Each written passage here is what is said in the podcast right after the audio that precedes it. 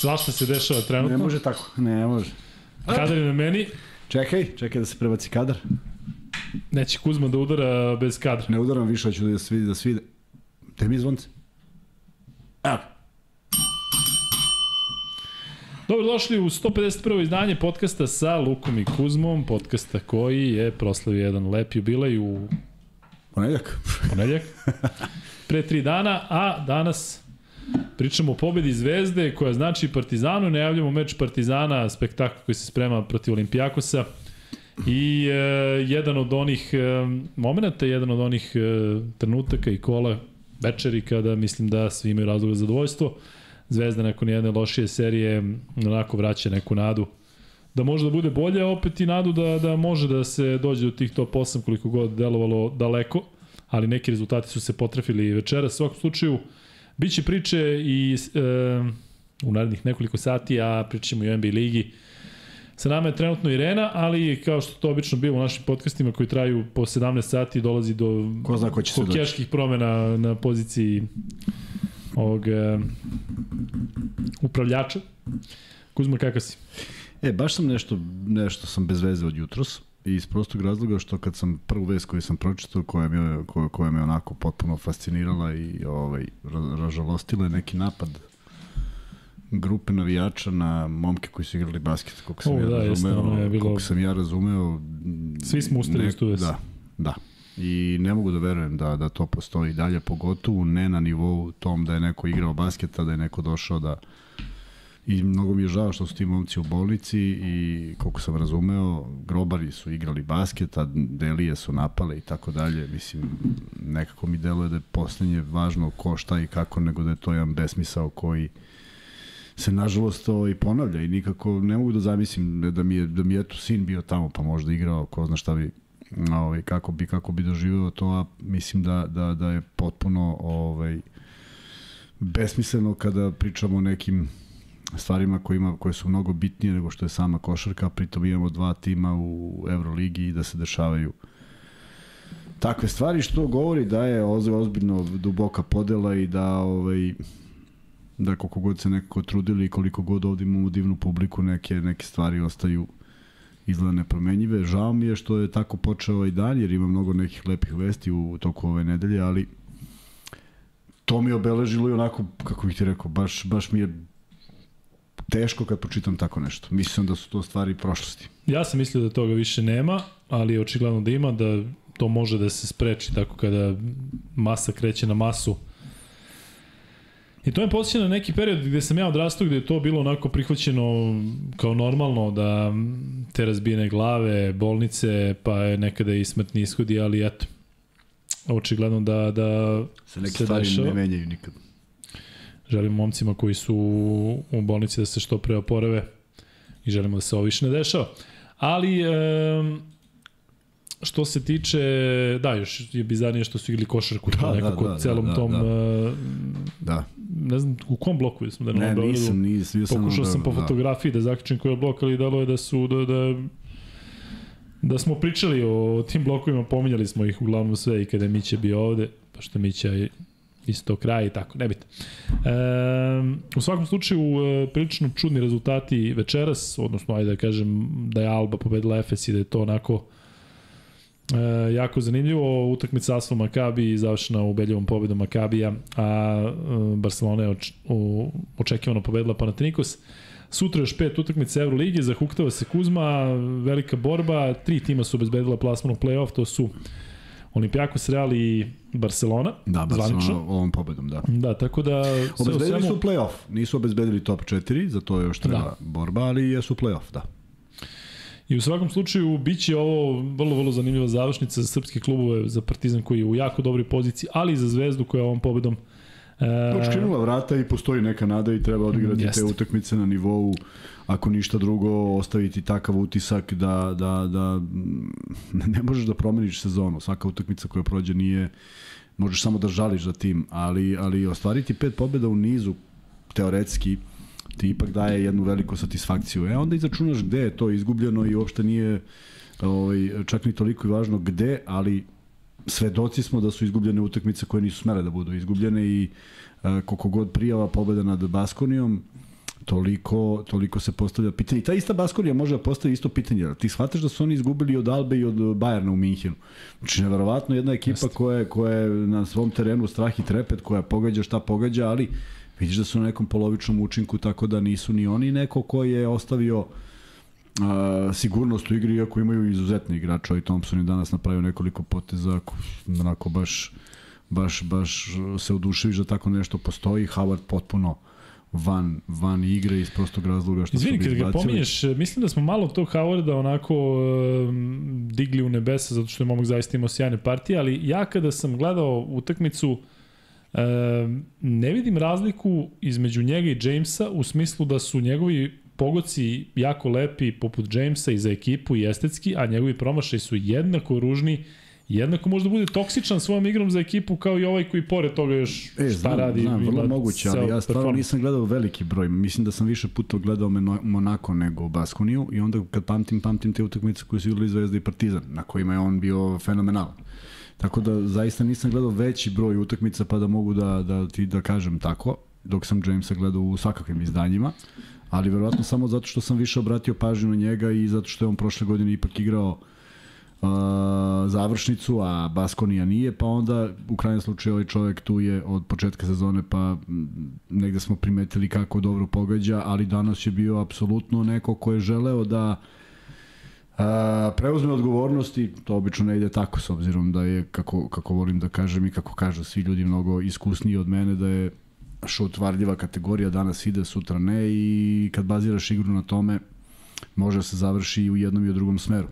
Ali ajde samo još da se vratim jedan, jedan, samo jedan korak, zato što mi je promakla jedna vest koja mi se mnogo dopala, a to je da je u derbiju KLS u Subotici bilo 3000 ljudi da gledaju Subotica Zlatibor. Dakle, u, uključio sam u jednom trenutku, znaš ti šta e, Kuzma pa kad to, padne koš? Pa to, to. Uključio sam, imaš, uh, stream se pojavio negde od, od jednom, I to što je me onako prilično smolno, ne znam, u live-u je gledalo nekoliko desetina ljudi kada sam ja.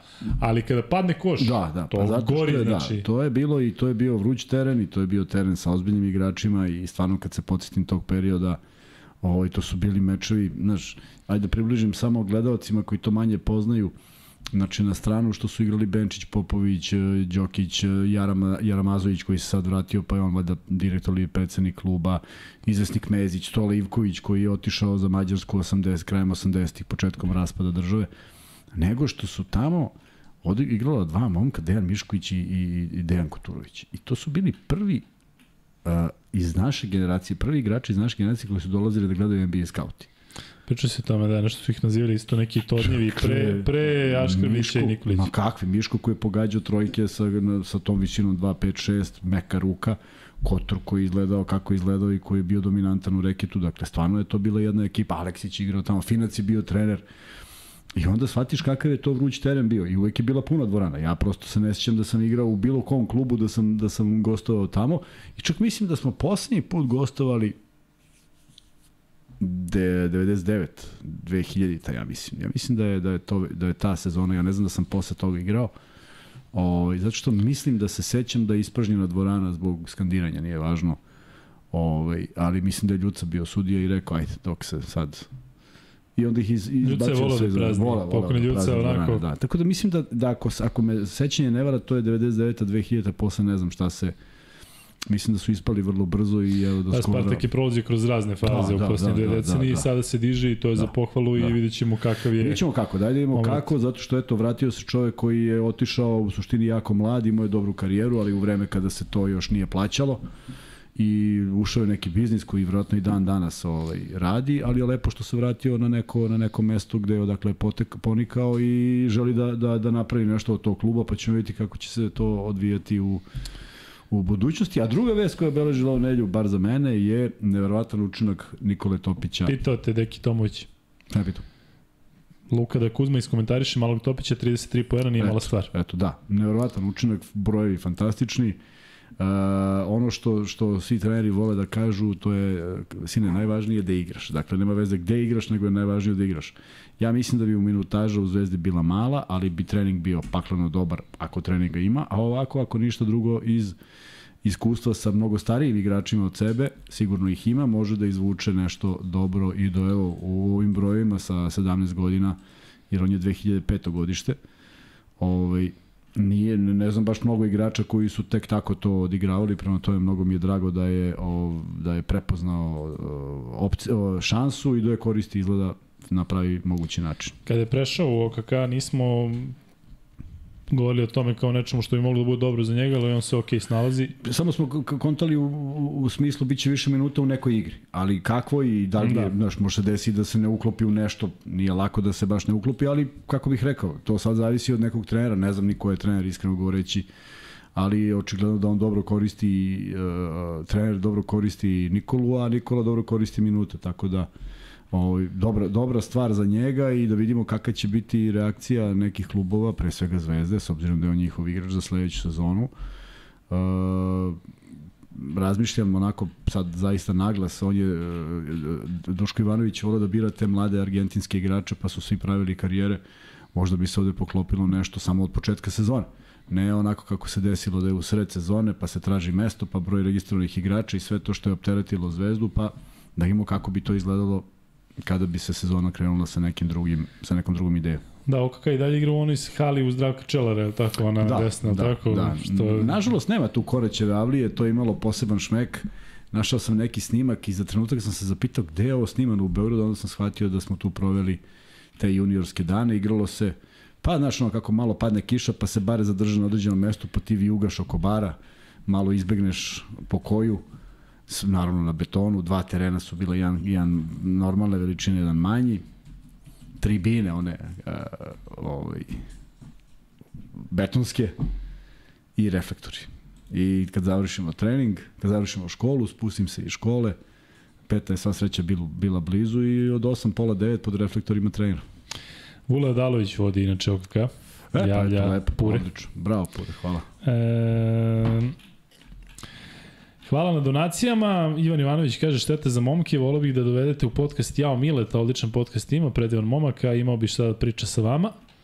A e, Dule, prokomentarisat ćemo Martina, nemoj da brineš. Vidim da malo, malo pa tvoj komentar. E, bravo za zvezdu, Howard uništio Baskoniju, ODFS, kaže Omar Gabriel Batistuta, jedan od najčešćih donatora u live-u. E, Kuzma, znaš šta, mi ovde jesmo u situaciji da možemo da pričamo šta hoćemo i često kažemo i neke stvari koje nisu toliko popularne, pa bih ja počeo od toga. E, rekao bih svoje mišljenje o Vildosi, mislim da se ne dešava prvi put, naravno odmah je asocijacija meč proti Barcelone, ali ne dešava se prvi put da se Vildosa povredi i opet ta zadnja loža, da li ista noga ili ne, ne znam, ali e, posle toga Zvezda zaigra bolje. ali to, to je crno belo. No, to je pravilo sad. Dakle, postalo, da. To je opšte poznato pravilo. A mi smo pritom pričali da je u nekim završnicama onako unosio, unosio nervozu i nerezonskim šutevima i nekim reakcijama koje nisu ovaj, eh, baš primerene.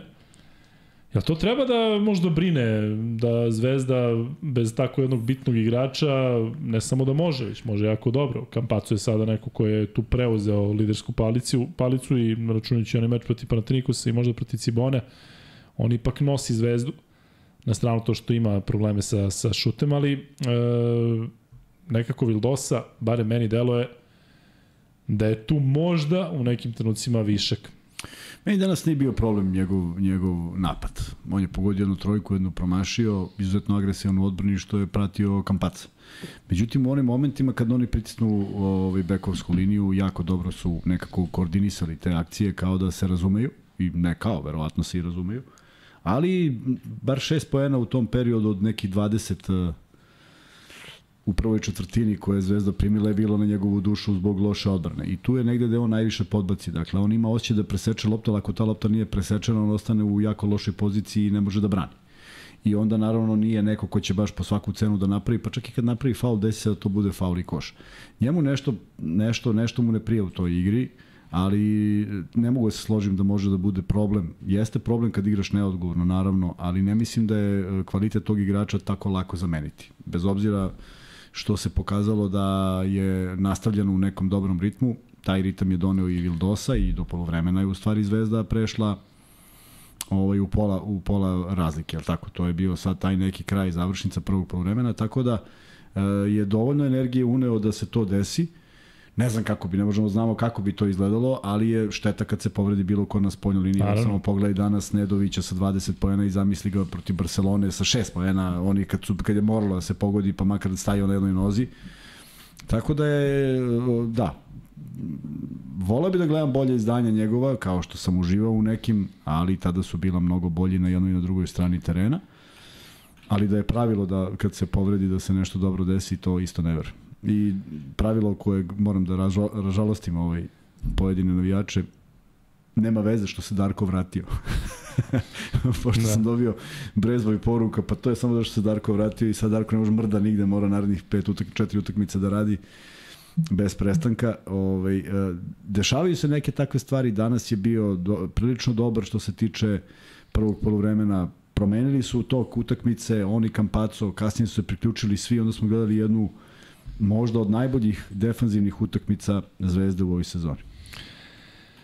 Da, ajde malo da se vratimo na Baskoniju. Oni zaista deluju kao ekipa koja onako toliko oscilira i da možda i ne zaslužuje neku borbu za top 8. Oni se toliko oslanjaju na šut za 3 poena koji ih je dobro služio tokom većih dela sezona. Oni su dva puta pobedili Real u poslednje vreme, jednom u Euroligi, jednom u domaćem prvenstvu.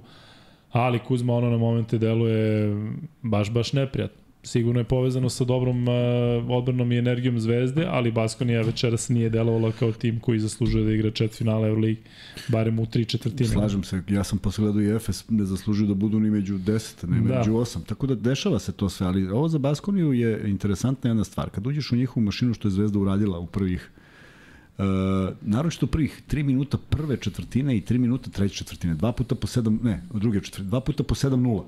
7-0 je, isti, isti start, bam, bam, bam, ti ne znaš uopšte šta se desilo, uđeš u taj ritam, kreneš da im odgovoriš tom merom, ne izgleda to jer nisi naviku. Međutim, ovde se desila jedna druga stvar. Ovo je jedna od redkih ekipa na koju nismo uopšte o kojoj nismo razmišljali. Jedna od redkih ekipa koja, na primer, po svojoj fizionomiji može da odgovara jednom Martinu. I zato i pružio dobru partiju. Zato što nema one pozicione igre zidanja, nego jednostavno malo gore dole i video si njega u nekim kretnjama u kojima ga nismo viđali ranije. Bentil Ne mogu da kažem da je bio majestral, naročito kad je otvorio utakmicu, ali opet neki... Da, neko da je pogledao samo ovu utakmicu i Bentila i Martina, rekao bi to e, puni pogoci što tako, se tiče... Samo, samo ne onaj početak, ovaj, trojka, dvojka kad je šutnuo i sve ostalo je bilo korektno. Iako, iako i dalje ne mogu da se otmem utisku ona kontra kad on propadne, pa to mora bude koš, to apsolutno mora da bude ovaj, koš i, i, i faul od igrača koji je ispod koša, ali to su neke druge stvari. Međutim, hoću da kažem, uh, Kocer se nosio u suštini sa Petruševim i sa ovaj, u jednom momentu i sa Martinom, ali najviše sa uh, Mitrovićem, tako da je ta fizionomijom ekipa odgovarala da, je, da su laki centri Zvezde mogli da malo koriguju odbranu kad preuzmu, da to izgleda dobro. Video si kad je ispratio Martin um, Vanju Marinkovića, pa blokada koja je bila u vrlo bitnom momentu i tako dalje. Dakle, dosta toga je funkcionisalo.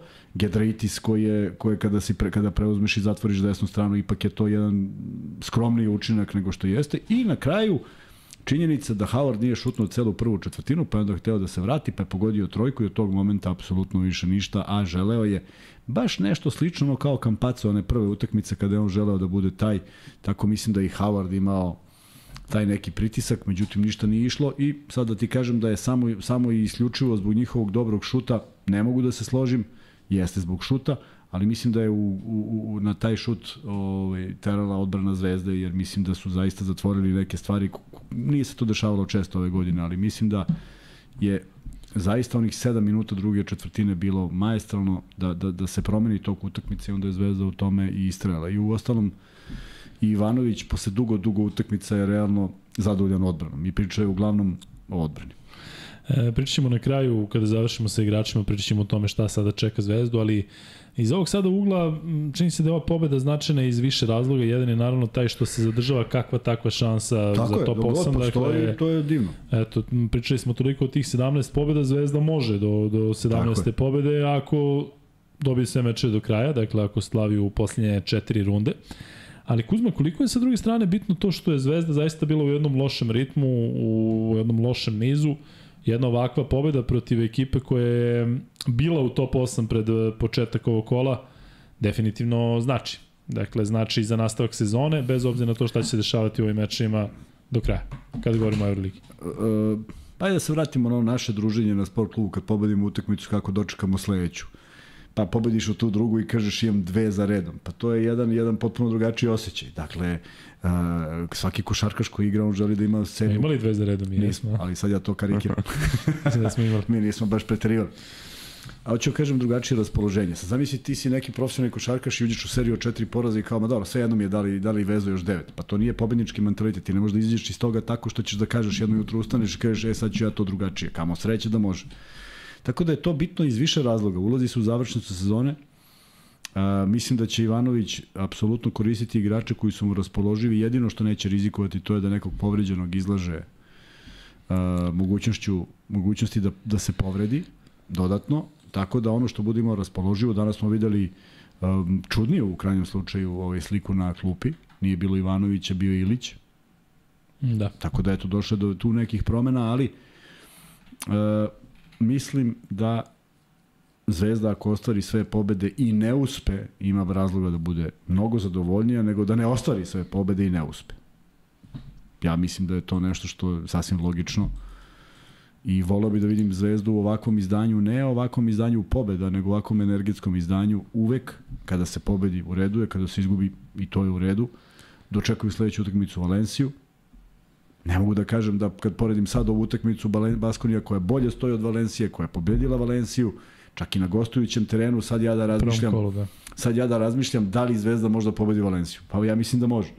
Ali mora da pruži još jednu ovakvu ili makar sličnu partiju. Prema tome, sve dok matematički postoji, treba se boriti, čak i ono posljednje kolo, ako ne bude matematički, i to treba, treba izgurati do kraja, zato što uh, Zvezda teoretski koliko može dođe? 17-17, je li tako? Da. Pa, to je jedna velika satisfakcija da si došao do 50%. Ne dešava se to baš svaki dan, je li tako?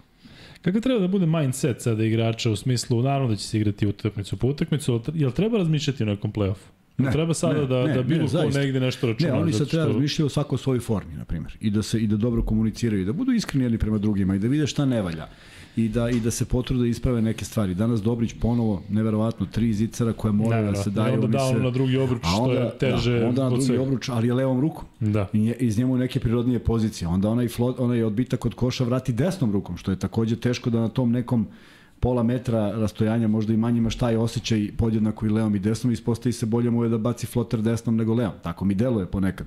Tako da to su neke finese koje mogu da se, da se, da se promene, da se koriguju. Petrušev u drugom polovremenu u skokovima izuzetno um, dominantan, zašto ne odigra, zašto ne krene utakmicu tako da se tako ništa slično ne desi, dakle sve je zatvorio, preseko lopte. E to su neki učinci koji su vrlo bitni, a ne, ne mere se u poenima. U krajnjem slučaju Kampaco je imao takav učinak, mislim da je Marković odradio dobar posao. Mislim da je Mitrović postigavši samo 8 poena mi je delovalo kao da li je moguće samo 8, jer mi nije delovalo tako. Onda pogledaš šest skokova, pet asistencija, pet asistencija potencijalno ono što je slao lopte na trojke, to je i 15 poena nekih koje on napravio, prema tome mogu da budu apsolutno zadovoljni i da grade svoju formu i da grade svoju igru i da komuniciraju. Mm, nešto nije bilo, nije, nešto nije funkcionalisalo na utakmici protiv Barcelona. Ne znam koliko si video tu neku raspravu, ko je kriv, ko je u pravu, to više nije ni bitno. Toga danas nije bilo, delovali su onako baš kao tim i tražili su rupe koje su nalazili. Ja sam bio ubeđen da ono njegovo zakucavanje na kraju utakmice između dva igrača da su svi znali šta će da se desi, ali on je toliko sigurno krenuo to da prosto možda znaš još sto puta o, ako, ako je neko rešio da ide na koš uh, tom snagom ne možeš da ga zaustiš. Mogu je samo bude faul teoretski, i, ali nije. Prema tome, uh, bitno je da naprave dobru hemiju za završnicu, bitno je da budu svi zdravi, bitno je da odigraju što je moguće više bez poraza, iz prostog razloga ovo što sam malo čas pričao, i da sa jednom takvom igrom i sa jednim verovanjem da to može da uđu u završnicu, ako je to moguće, play-offa top 8, ako nije, onda u završnicu Jadranske ligi. I to je to. Kako ti je bila atmosfera u dvorani? Ej, mislio sam kad je počelo da se puni, nikada tako mali broj ljudi nije bio. Da li smo mi, da li je možda nije bila utakmica u 7, malo ih je bilo u 7. U stvari ne, skoro sve su bile u 7. Tako da sam znao da kad dođemo oko pola 6-6, to već zada bude. Bilo je, bilo je jezivo prazno. Savlasno prazno, mm -hmm. da. I baš sam prokomentarisao, međutim, tako je bila dobra atmosfera, tako se na kraju napunilo, tako je bilo, po, svaki potez se ispratio. Što kaže Darko, ovaj, kaže u 27 minuta da izađe čovjek koji nije dao ni jedan koš za ti 27 minuta i da ga pozdravi onako cela dvorana, kaže, obično se to dešava kad je protivnički igrač, kao prilike, da mu se zahvale što izaš.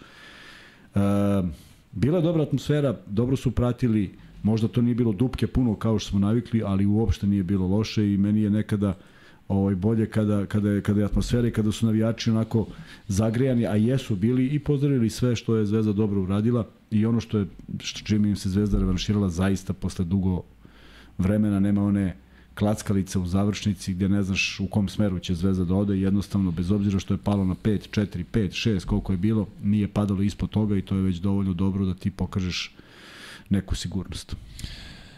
Kuzma, e, da krenemo na igrače, Vildosu smo pominjali, dakle nije možda ni korektno pričati o momku koji se povredio, ali njegovih 1 od 5 za tih 10 minuta koliko je bio u igri, 1 od 4 za 3, pritom 3 ukradene lopte i 3 asistencije, da. dakle to je nekako, ajde da kažem, čudna statistika. Takva je do duše bila i Kampacova, danas doćemo do njega, ali e, kao što rekoh, meni se čini da Nedović ne bi stavio 20 poena da je Vildosa ostao u igri, dakle da ne bi on šutno 8 trojki, i pitanje u kakvom bi bio ritmu. Dakle, naravno, nećemo pričati o tome šta bi bilo kad bi bilo, ali eto, Vildosa, dakle, mnogo je to četiri trojke za 10 minuta da šutneš. Mnogo, mnogo, mnogo. Ako ne daš dve. Mislim, ako ne daš dva od tri, pa ide šutneš mnogo, naravno što je, naravno što je ona posljednja koja nije, ne znam da li pogodio obruč, možda i jeste nešto jedva, naročito što je ta četvrta bila preuzimanje Martina koji do tog momenta se jako dobro snalazi pod košem. Dakle, probaš još jednom, nagradiš tog Martina za dobru kretnju ili nešto.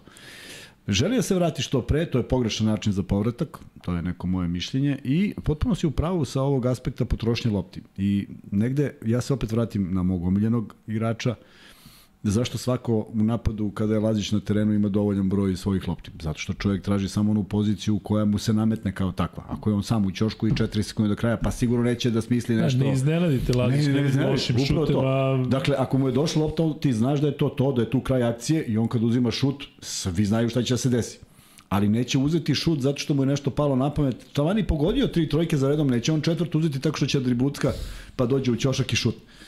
E, zaista se tada znaju pravila i zaista se tada zna ko troši lopte i slažem se nekada da baš kao što je u slučaju Kampaco Vildosa Nedović, a pritom imaš još potentnih, što bi rekao Darko, potentnih igrača u napadu i Petruševa i Mitrovića i, i, i koga god. A, nešto slično gledamo i u Efesu. Clyburn, Larkin, Micić.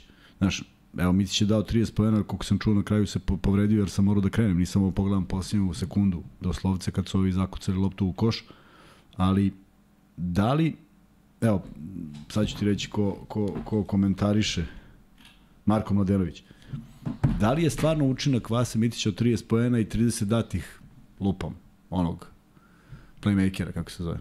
Čiji igra za Hrvatsku? Albe. Jalen Smith. Pa Smith, dao je 30 i on. Pa šta je to, mislim? Ovde je Kampaco razoružo doslovce celu defanz, de, ofanzivu i svi su imali tešku muku da daju koš. I taj Howard je postigao 3 poena. Onaj, onaj mom, momčić što je promašio zicer od, od borbe za život, neko tamo, dansko prezime.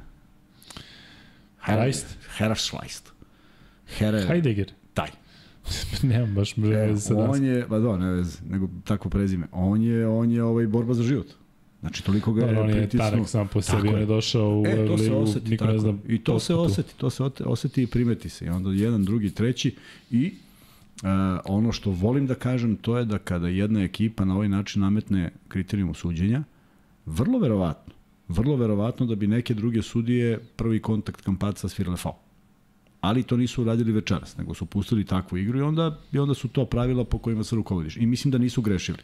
Dakle, mislim da nije bilo nesviranog povlačenja ili nečega. Dakle, nije bilo ni grubih falova koji su, gde su sudije ostale neme. Prosto dozvolili su da je taj kontakt koji on postavio, a vole bi da svi koji vole malo više defanzivnu priču da pogledaju kako je danas igrao. Ni jednog trenutka, to je prosto neverovatno, koliko god je on mali i sve to, ni jednog trenutka u kontaktu sa igračem ne dozvoljava da se povuče korak dalje, nego, nego do, doslovce on uh, uh, vodi napadača u, u smeru u kojem želi. To je jako teško izdržati ne 40 minuta ili 30 koliko je on igrao, nego, nego ta tri kontakta je teško izdržati u tom položaju. Mislim da je bio majestralni i da je on doneo tu jednu energiju koju su svi prepoznali i publika je prosto neverovatno reagovala, što kaže Darko, nikad neko manje pojena nije dao, a dobio veće ovacije. E, hvala Ivane, još jednom priča, odnosno pitaćemo to i odgovorit ćemo na, na kraju priče o Zvezdi kada završimo sa svim igračima. E, Sledeći igrač o kojem ćemo pričati je Stefan Lazarević. Kuzma 7 minuta, minus 3 indeks, napravio je 3 faula i upisao jedan skok. Jel treba očekivati od Lazarevića veću minutažu, odnosno da bi trebao da očekujemo Ne, da dobije veću minutažu? Potrošio je dva faula, vrlo brzo vratio se posle, igrao defanzivu, napravio treći igrač zadatka koji kada mu se ukaže prilika mene, mene uvek raduje kad uradi košarkašku stvar. On je primio loptu na liniji na strani dodavanja, nema više prostora ni za šta, uzeo čovjek i šutnuo. Da li me razumeš? Nije izgubio loptu, nije krenuo u nešto, četiri sekunde do kraja da smisli nešto, to on mora da igra. I doći će nekom, ili neće doći. Znači, to neko samopouzdanje koje on sam sebi može da nametne ili da uskrati. Ne vidim da nema slobodu, ne vidim da je ikada šutnuo na utakmici da ga je neko pogledao ili da mu je trener rekao što sada, prema tome sve je na njemu, vežba je na njemu, rezon je na njemu, odgovornost nije na njemu. Kada dođe u tom momentu lopta, lomi se rezultat, dođe lopta od tebe, tvoja odgovornost je da uputiš, da napraviš najracionalniji mogući potez. To je da uzmeš tu loptu, da šutneš. Ako možeš na ulaz, nema nikoga, zakucaš, nikakav problem. Kao što je uradio na nekoj utakmici, pa je sve iznenadio. Ovaj, ali to treba bude košarkaška stvar, koliko ćeš biti sposoban da pogodiš, da li će to biti 2, 4, 6 ili 8 pojena. Bilo je utakmica gde on igrao jako dobro pod košem, skidao lopte. Zašto mu se izgubila njemu neka napadačka pozicija pod košem, to ne znam. I to sad zavisi od trenera. Ali činjenica da ga nismo videli ni u jednoj akciji, ukoliko akcija vidimo Bentila, mislim da Lazarevića nismo videli apsolutno suprotno, potpuno diametralno suprotno koliko je Lazarević koristio neku svoju tehniku ili neku svoju snagu, a videli smo koliko može da bude snažan i koliko zna da u, of, u odbrani čuva uh, više i snažniji igrač. Um, stižemo do Kampaca. Kampacu je za 30 minuta postigao samo 3 poena, jednu trojku, ali imao je 3 skoka i 7 asistencija, dve ukradene, samo jednu izgubljenu i eto, E, bio je motor Zvezde na tom malom broju poena, imao te njegove asistencije onako bez gledanja koje podižu i publiku, koje podižu energiju. E, među igračima e, eto Vildosa trojka, Kampacu trojka, opet njih dvojica šutiraju 2 od 10, ali eto Zvezda je danas dobila pa se vjerojatno o tome neće pričati, ali Pri, pričat će se, zato što vidi, a, ako, ako, ako Vildosine uzmemo... mi. Da. da. ako uzmemo da su Vildosine bile u kratkom vremenskom periodu mnogo komada, m, Kampacove nisu i moramo da uzmemo u obzir da je a, toliko, toliko riljao po terenu da te dve što je šutno nisu, nisu imale veze s košom. On je samo izbacio da ne bi ostalo u ruci, ali to nije bio čak dovoljno jak šut, što govori o nekom zamoru i potrošnje na toj utakmici, tako da ajde njemu da oduzmemo dve koje su bile u poslednjoj sekundi. A ovo ostalo su ipak bili šutevi koji su morali drugačije da se završe i, kažem, za Kampaca i mogu da razumem zbog, zbog neverovatno uložene energije, a Vildosa je opet birao neku liniju manjeg otpora, ja mislim da on ima strahovit ulaz koji bi mogao da koristi, ali ga iz nekog razloga ne koristi. Um, Kampacu je neko od koga se i dalje očekuje mnogo, Posle te pauze, 7. Pa mislim, aj sad, šta, koliko treba da se očekuje? Da, ne, ali šta još može da se očekuje od njega? Šta je što ono što... Samo, samo veća preciznost. Veća preciznost da kad je Ali isti, nekim... što se tiče igre, rezon isti, sve isto. Isto, isto. Ja mislim da on igra van serijski. Gledaj sad ovo. Sedam asistencija zabeležio. Ja mislim da je to ona Dobrićeva. Ja mislim da on ima bar još tri koje nisu. Ne možeš u krajnjem da. slučaju ni sve. Ali hoću kažem koliko treba, koliko, koliko zadovoljava nas, da ima 15 asistencija. Da, pa nije realno. mali broj poena. Pa da, prema tome... Zvezda je ukupno na ovom meču imala 20 asistencija, od toga 7 kampacu. Tako je, trećina ima kampacu, to je sasvim u redu. Da. Mitro, e, Mitrović 5, pa i sa to. Da, evo stižemo do Mitrovića. Mitrović koji zaista, ja mislim da m, onako kada već govoriš malo pre kako Lazarević radi sve košarkaške, ja mislim da Mitrović, ne, da, Mitrović nije, da nije je... moguće da Mitrović uradi nešto što nema veze sa, sa, sa On je imao isto uspone, sa, da, sa imao je uspone i padove u nekim, u nekim momentima i nekad nije bio ono što jeste, ali to što radi kada mu se na neki način omogući, sad um, imaš, imaš ekipa koja se to jako dobro zaustavila, ta njegovo, ta njegovo kratko otvaranje, tako.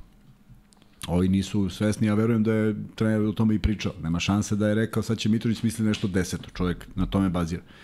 Međutim, izgleda su ga puštali taj jedan korak, ne bili ga ubacili u problem. A on je na tom drugom koraku nalazio rešenje, što je fenomenalno. I video si u jednom momentu, on gleda nekoga i hteo da doda i video da je gužao, pa je našao da li uh, Petruševa u Ćošku, na primjer. Tako da, on se sad izveštio i to je počelo prošle sezone, Jeste. da on kad dođe do koša, ti pomisliš, možda je čak i lakše da poentira, on nađe nekoga sa dobrom idejom. Šteta što je Dobrić opet potvari, po, po, promašio neke otvorene šuteve, ali što se Mitrovićeve role tiče, apsolutno i onaj pas koji je našao Dobrića,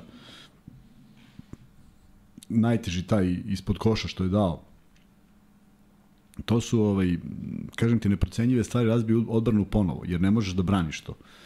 I tu je Mitrović postao vrlo bitan šraf, da bi danas konkretno to uradio slično nešto i Martin, samo što je par puta otišao na zakucavanje, a par puta isto preneo loptu i dao one vrlo bitne poene u nekom, u nekom ubacivanju sa polu distance, u stvari iz, iz reketa i skoka prema tome. Nekako mi deluje da, opet ima koliko ima, 4 ili 5 dvocifrenih, kako je bilo, 20 Nedović, 11 Bentil, na primjer 10 Martin, je li tako? I još da. neko ima 11. Dobrić. I Dobrić, eto, da. 4, znači 12 Bentil, 10 Martin, 11 Dobrić. Eto, eto. Um, ali što se tiče Mitrovića, njegovih 8 poena, 7 skokova, 5 asistencija za 21 minut. 4 od 6 sa penala, 2 od 5 za 2, ali e, ta njegova zakucavanja delo da je nekako da više zakucava nego ranije. Dakle, kao da, je, Još da ima neku... zakucavanje. Jeste, on kad se loptu u drugi. Još da. od tih, a, a još dva od pet su još dva neka zicera koje su mogla da uđu. Dakle, znaš, ne uzima on šuteve u koje nije siguran i to jako dobro radi. U ostalom ove godine je postigao svoju prvu trojku, tako da se ima, po, ima posebno samopouzdanje. da. um... radi, radi jako dobro svoj posao i pritom zaista deluje čvrsto i, i, i, i, i jako konkurentno u odbrani, iako je taj iako je ekipa Baskoni ipak ima lakše centre, sem Kocera, koji je baš onako neko kornga da bi došao do koša, i, i Costello i, i, i Homes i svi ostali su ipak lagani i onaj, onaj e, kako zove, Ek, ek, ek, Inok. Inok. Inok, Inok i kad napravi okret nije on još toliko siguran da... da, da ne, nevici koreka, pa, da, uvek nevici uvek, da. korek. Tako da, i da, malo smo pričali vezano za sudije, sa čovekom koji se bavi time. I nismo imali nešto pretrano mnogo primetbi, a on, nažalost, nije mogao da gleda naš vraćeni snimak, tako da nije mogao da bude siguran u neke odluke. I komentarisao je samo uh, ona dva faula koja su potpuno izmišljena. Jedan Homesa, kad je Mitrović išao na slovno bacanja, Da, oni se strane, ono. Kad je s rukama... Da, da, a drugi isti Mitrovićev faul koš važi koji isto nema nikakve veze i to je bila kompenzacija. Međutim, začudilo ga je začudila ga je ona uh, nošena, koja je bila metar iznad glave, i začudilo ga je zašto sudija koji je trebao da osudi korake, kada je Inog baš krenuo u dribling, zakasnio toliko i uzo je da zvizne drugi sudija. Tako da generalno o, o sudijama je to bilo komentar, ništa više ništa drastičnije od toga da bi se pričalo nešto više o njima.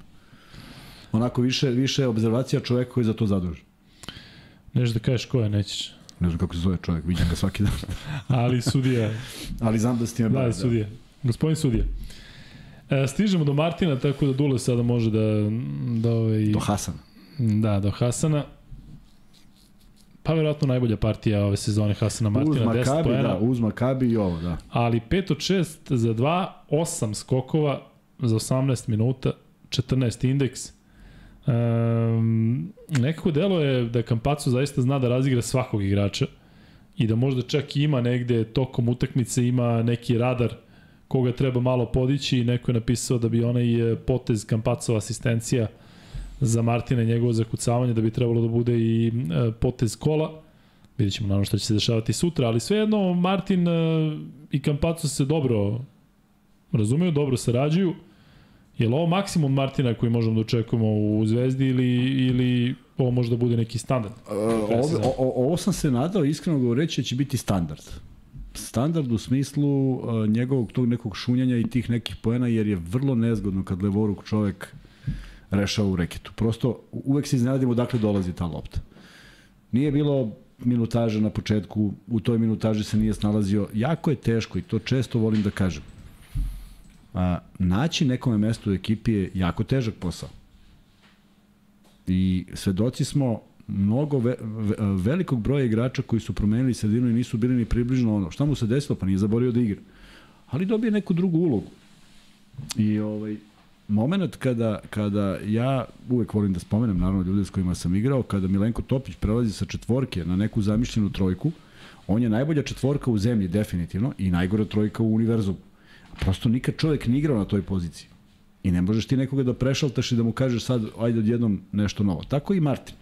On je bio neko ko se šunjao iz drugog plana u Olimpijaku, su skidao neke otpadke, davao, snalazio se, prolazio i voleo tu tranzic, tranzicijonu igru. Ako nema tranzicijonu igra, a Zvezda je nema, nema ni Martina, koji kad treba da zida nekoga, to su obično ljudi koji su daleko viši od njega. Međutim, vidio si u ovim prodorima, on se zaleti i krene da zakuca, iako je niži rastom, ne može to baš svako da, da, da zaustaje da ne bude neki grub faul. Prema tome, bilo bi divno da, da, da, da je on češće u ovakvom izdanju, jer bi onda i ekipi bilo lakše.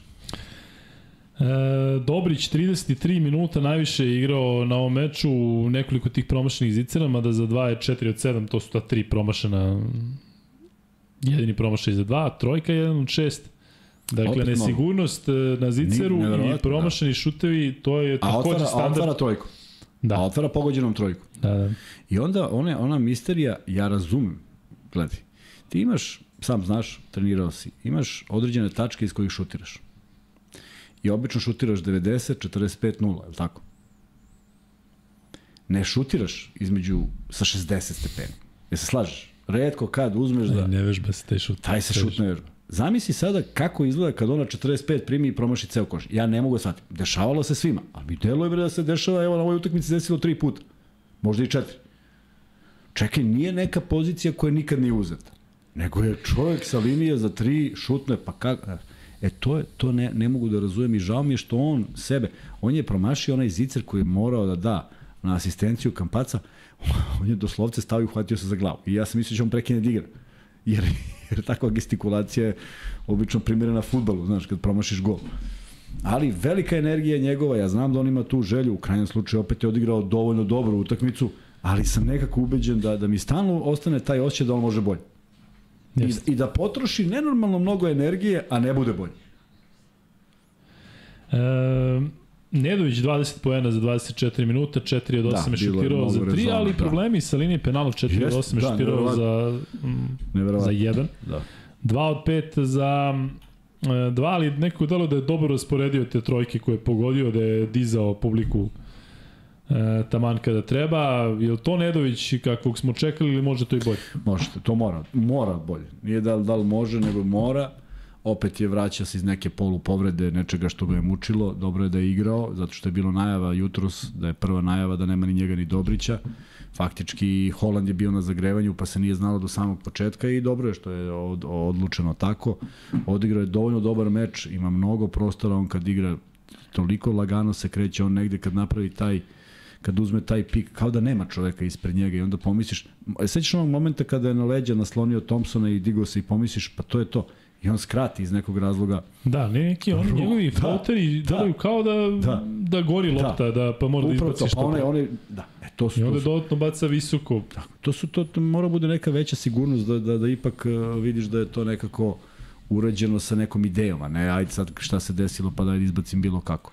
Međutim, dovoljno dobra utakmica, dovoljno veliko samopouzdanje u onim momentima kada je uh, trojku iz Ćoška dao, kada je dao drugu trojku baš preko Havarda, kojem ne ide, pa mu ti još daš trojku, što kažu, u lice, ovaj, to naravno da ga iziritira, pa već sledeću šutne u, odma u prvom napadu. Tako da je Nedović bio sasvim dobar i mislim da ga je dobro poštedeo u određenim momentima. Vidim da mu nije bilo pravo kad izlazio, ali to su bili oni defanzivni zadaci, momenti kada Marković može da bude na parketu, koji je takođe dao svoj doprinos, pogodio tu jednu trojku u onim momentima kada niko nije kada nikom mnogo toga nije polazilo za rukom, prema tome, što se Nedovića tiče, ako bi nastavio ovako, još bio, još bio konkretniji, još bio sigurniji, još bio odgovorniji i to prenosio svojim igračima, mislim da bi svi bolje igrali.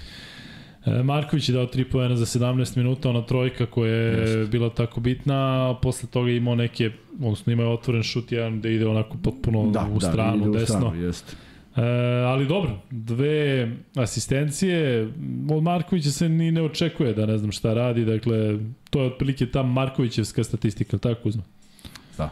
Za Markovićevsku minutažu. E, Filip Petrušev, ja ne znam stvarno kako je, e, kako je Zvezda dobila ovaj meč i svaka čast e, Martinu i Bentilu, zato što kad pogledaš Vildos se povredio dao 3 poena, Kampacu dao samo 3 poena, Petrušev dao 4 poena, Dobrić toliko promašivao, imao ukupno indeks 4.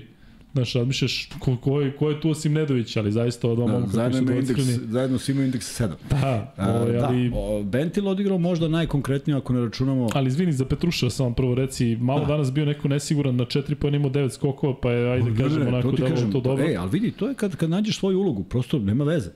On je natego šuteve gde je bio sam, sa velikim samopouzdanjem, onaj pas kampaca, on uzima i šutira dugu dvojku, iako mu to nije neka specijalnost, ali što kaže Darko, kaže, toliko smo svi bili sigurni u taj šut, u smislu, videlo se da on ima nameru da šutne bez nekog onog oklevanja, ovaj, nego jednostavno prima loptu i šutira. I ne mora uvek da učestvuje u svemu tome, ne kažem, ali hoću onakve, hoću da vidimo onakve skokove, jer on kad skoči i raširi ruke, to pokrije ceo reket. I ne sme niko da uzme loptu i bio je zaista vrlo bitan. Seti se one kontre kada je, kada je bilo 3 sekunde. Kada je ono sam bio protiv dvojice, pa je došao i treći, pa su na kraju sudije odsudile 3 sekunde. Ali Prosto- ona kontra Baskonije sa onim skok šutem u, u reketu. Da, da. Ono 2 2 na 1 pa 3 na 1 pa, pa se onda se nešto ne, pa ne bam, bam, bam, pa još dođe, dođe još Ono, jedan pa doda u neprijatno reket. za gledanje. ono, je. Znam da, da, I sudije ne, nerado onako kao, ajde, Da. da. kao, malo ste preterali. Ali ovo izbunilo, ja mislim da je izbunilo i njih. Svi su očekivali loptu napolju, međutim nije se dešavalo. Hoću kažem, bitno je kad je on pod košem i kada, kada zadrži tu sigurnost i ne reaguje na fintu. Uh, Gedritis je šutirao onu, pa je on udario loptu. Ja ne znam, nisam siguran da bi došao do koša. Možda bi udarilo u prvi obruč ali i to poštujem kao reakciju, kao ne, ne želim da daš koš. Tako da mora samo još malo više da se uključi u sve to, a Pojeni će doći kada se bude otvorila pozicija. Danas on nije ni bio u nekim pozicijama. Sve ono što je primio loptu i krenuo na koš da je bio faul, to je bilo potpuno legitimno da krene na prodru. E, kaže Lazar Mantević je ovde nešto što se uklapa i volimo tako da kada postavljate pitanje kada pričamo o nekom, ali da li Petruša ima presport šut ili je to normalno za igrača njegovih dimenzija? To ne možemo, da. Nema on mehaniku šuta, kažeš Da. što je ovo lepo, ali prosto imaš uh, znaš, ne mogu da kažem da ima da ima da da da je najsporiji, a ne mogu da kažem da nema brži, ali prosto takva mu je mehanika. I sad to je nešto što je gradio godinama i jako teško je to promeniti. Ali E, da je brz šut nije. E, stavi, molim te, stigao nam je umeđu vremenu i Miksa, Miks, e, stavi, molim te, pol, zato što vidim da i vi komentarišete ono čemu sam, čemu sam ja govorio ranije, pa smo i pričali, a to je da, pitanje da li je Zvezda bolja sa, pa stavi tri tačke i onda stavi prva opcija, odnosno stavi, da li je Zvezda bolja, tri tačke, sa Vildosom, bez Vildosa. E, da vidimo šta ljudi, e, šta ljudi kažu. Aj vidim nešto za tebe. Ajde, Jedan dečko kojem si dao dres. dobro. Ne moram koga gažem ime, ali potpuno nevažno. Ako bude želeo, ja ću reći. Kao grobar vodio sam večeras devojku na Zvezda Baskoni i atmosfera je, i, igra je bila genijalna, uživao sam. Još lepša je simbolika što mi je baš sutra rođen i ovaj me transparent dodatno oduševio. A ne znam da li znaš, stavili su Pamti Srbine 24. i 99. Da. Nadam se da će, aha, Nadam se da će ljudi slušajući vas teći naviku zajedničkog gledanja utakmica večitih rivala. Veliki pozdrav za bojicu od mene i devojke i porukama svima da su rivalstva lepša kad se međusobno poštuju. Da, mislim da znam ko je sam mi Pa znaš, naravno znaš. Ovaj, da, da. Um, mislim, nema šta. Momak je prva liga. Pa da. Čim sam eto. ga video, znao sam E. ovaj, kakva je faca, tako da... E, I tako mi je protekao ceo dan. Ljudi koji su išli na utakmicu ili se nešto dešavalo, to je nevjerovatno. I ovi, i za Partizan, i ovaj za Zvezdu, i ovaj za ovo, i za... Znaš, prosto ljudi kojima je, ono, dosta nekih stvari i, i zaista znači kad u, u 20 minuta pešačenja sretneš ljude koji su na istim talasnim držinama. Znaš šta, mislim da, smo, da, da se malo istrošilo, znaš, um, u smislu da nekako je meni utisak bio da u onoj petoj utakmici ABA ligi u finalu prošle sezone da nekako više je bilo bre, razumeš, dajte dosta više drame, evo, dajte, ajde, ajde, vidimo. manite se Daj da ove godine. posla. Tako da se nadamo da će, da će Nadam tako se, biti zaista. I ove sezone da ćemo se okrenuti normalnim pravim vrednostima i da neće biti toliko I još da kažem da imamo, da imamo uh, najmlađu slušateljku, pošto se rodila Elena. Batistutina. Nije, Batistuta nešto Nije imao... Batistuta. Đorđe, Đorđe je dobio čerkicu Elenu, supruga je još, kaže, u bolnici, sad će vjerojatno da gledaju, a i ja ovaj posljednji podcast na miru, kaže. Međutim, poslao mu poruku da će uživati kada Elena stigne kući, pošto je prvi put postao otac, tako da čestitke sve, svaka čast, Sve najbolje želimo, naravno. sve je najbolje, tako je. I eto, ja da kažem da eto za sat vremena počinje taj 24. mart, datum koji pamtimo svi po tom bombardovanju od pre 24 godine. A rodila se Sofija pre tri godine, to je čerka Coke Cokčeta, dakle ona slavi rođena 24. marta i za vikend se vidimo ovaj, da to proslavimo. Kuzma, sad će malo... Izvini, Aleksandru je rođendan, eto, pošto obzirom da je se slikao u našoj majici s vremena kad je kupio, čestam mu rođendan. Čestitke, Aleksandre. Hvala i tebi na željama i, i nadamo se da. E, zato što je ovaj, i reagovao na sliku 4000 ovih... E, Aha. Ne. Šta si spremio meni za rođendan za mesec Pa dana? evo, tu sam poneo, tu sam poneo, ali sad glupo mi sad Znam da imaš neke iznenađenje, kao ja kad sam Ja, tebe iznenadio za pogrešan rođendan prošlog leta, kada kad si rekao šta je, šta je ovo? Je dono tortu, je. Evo, ali nije to ona ista torta koju stalno vrtimo, stvarno je Da. pojedemo. da. Znate za pravilo kad dođemo do 500 e, lajka da ide max bet, tako da lajkujte i prvi e, free bet će biti o zvezdi. E, pita Vuk Grbić, da li može da se promeni tehnika šuta? jako teško. Može kod nekog uzrasta, ono 17-18 godina da dođe kod nekoga ko će to promeni, pa da ima poverenja, pa da se proceni da to stvarno ima smisla, jer svaka, svako menjanje ustaljenog nečega može da dovede do, do hm, još većih problema, da izgubiš i ono što si imao. A, Paspalju, da su menjali šut, verovatno bi uspeli u tome, ali on nikada ne bi dao koš više. Ovako imao svoj način izbacivanja lopte koji treba pogledati ako niste gledali Žarka Paspalja i to se potpuno kosi sa fizikom i sa, i sa bilo čim poznatim u prirodi. I samo je odjednom on u njegovom intervju rekao, samo su rekli diži ruke od ovoga, ne menjaj ništa i u, lopta ulazi, šta da se radi. Tako da, Da, kod Čeka su često menjali tehniku na liniji penala zato što ne može gore od onoga što on radi. tako je, dakle, on stvarno nije mogao povodi. Jedno vreme sa Magicom radio jako lepo, dakle nekako tapne tri puta, neko izbacuje, međutim to je prestalo jako Moram brzo. ti kažem nešto, šta sam, šta sam ja doživeo ovaj, kada mi je trener bio divni i pokojni Rajko Žižić. Znaš, on je trenirao s nama pre nego što je postao trener, ono, pod stare dane. Ja ne mogu da ti objasnim kako njemu stoji lopta u ruci. Ali on je stvarno drži, evo ovako je drži. I mnogo je teško namestiti u toliku šaku loptu, jer ona nekako stalno nestaje, kao da je, kao da je manja za tri broja.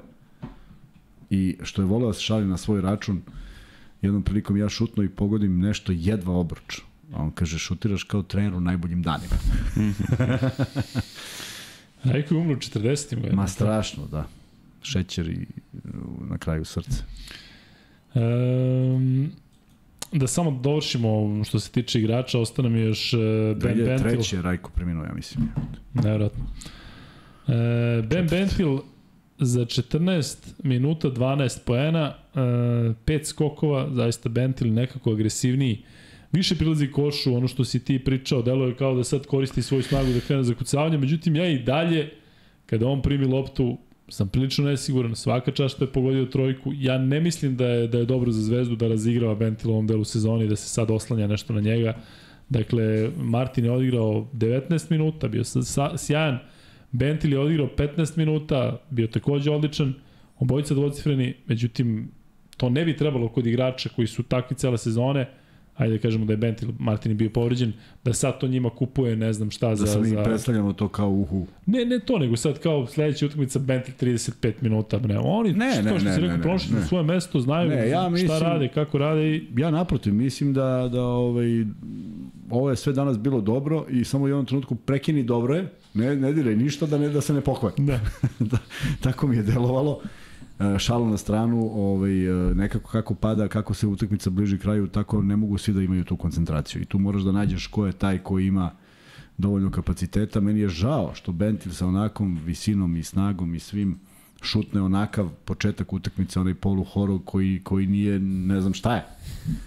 Ovaj, I to mi je dalje neobjašnjivo, ali stvarno mogu da razumem da nije čovjek koji navikao da se bije dole i video si koliko on, ja mislim da on jedva čeka da se izvuče negde na trojku, da dobije, da šutne i što je najsmešnije, ne najsmešnije, što on je bio i poznat po tome što pogađa u prilično dobrom procentu za 3 poena, danas vrlo bitna trojka da razbije malo odbranu, ovaj, mislim da je otišla da zvezda na 10 razlike njegovom trojkom, tako da sasvim korektan, I ne treba razmišljati sad o tome da li je tu kraj sezone, da li je početak, da li je sredina, nego jednostavno da odigra što bolje ove utakmice, da bude fokusiran. Danas jeste bio, nije mnogo grešio.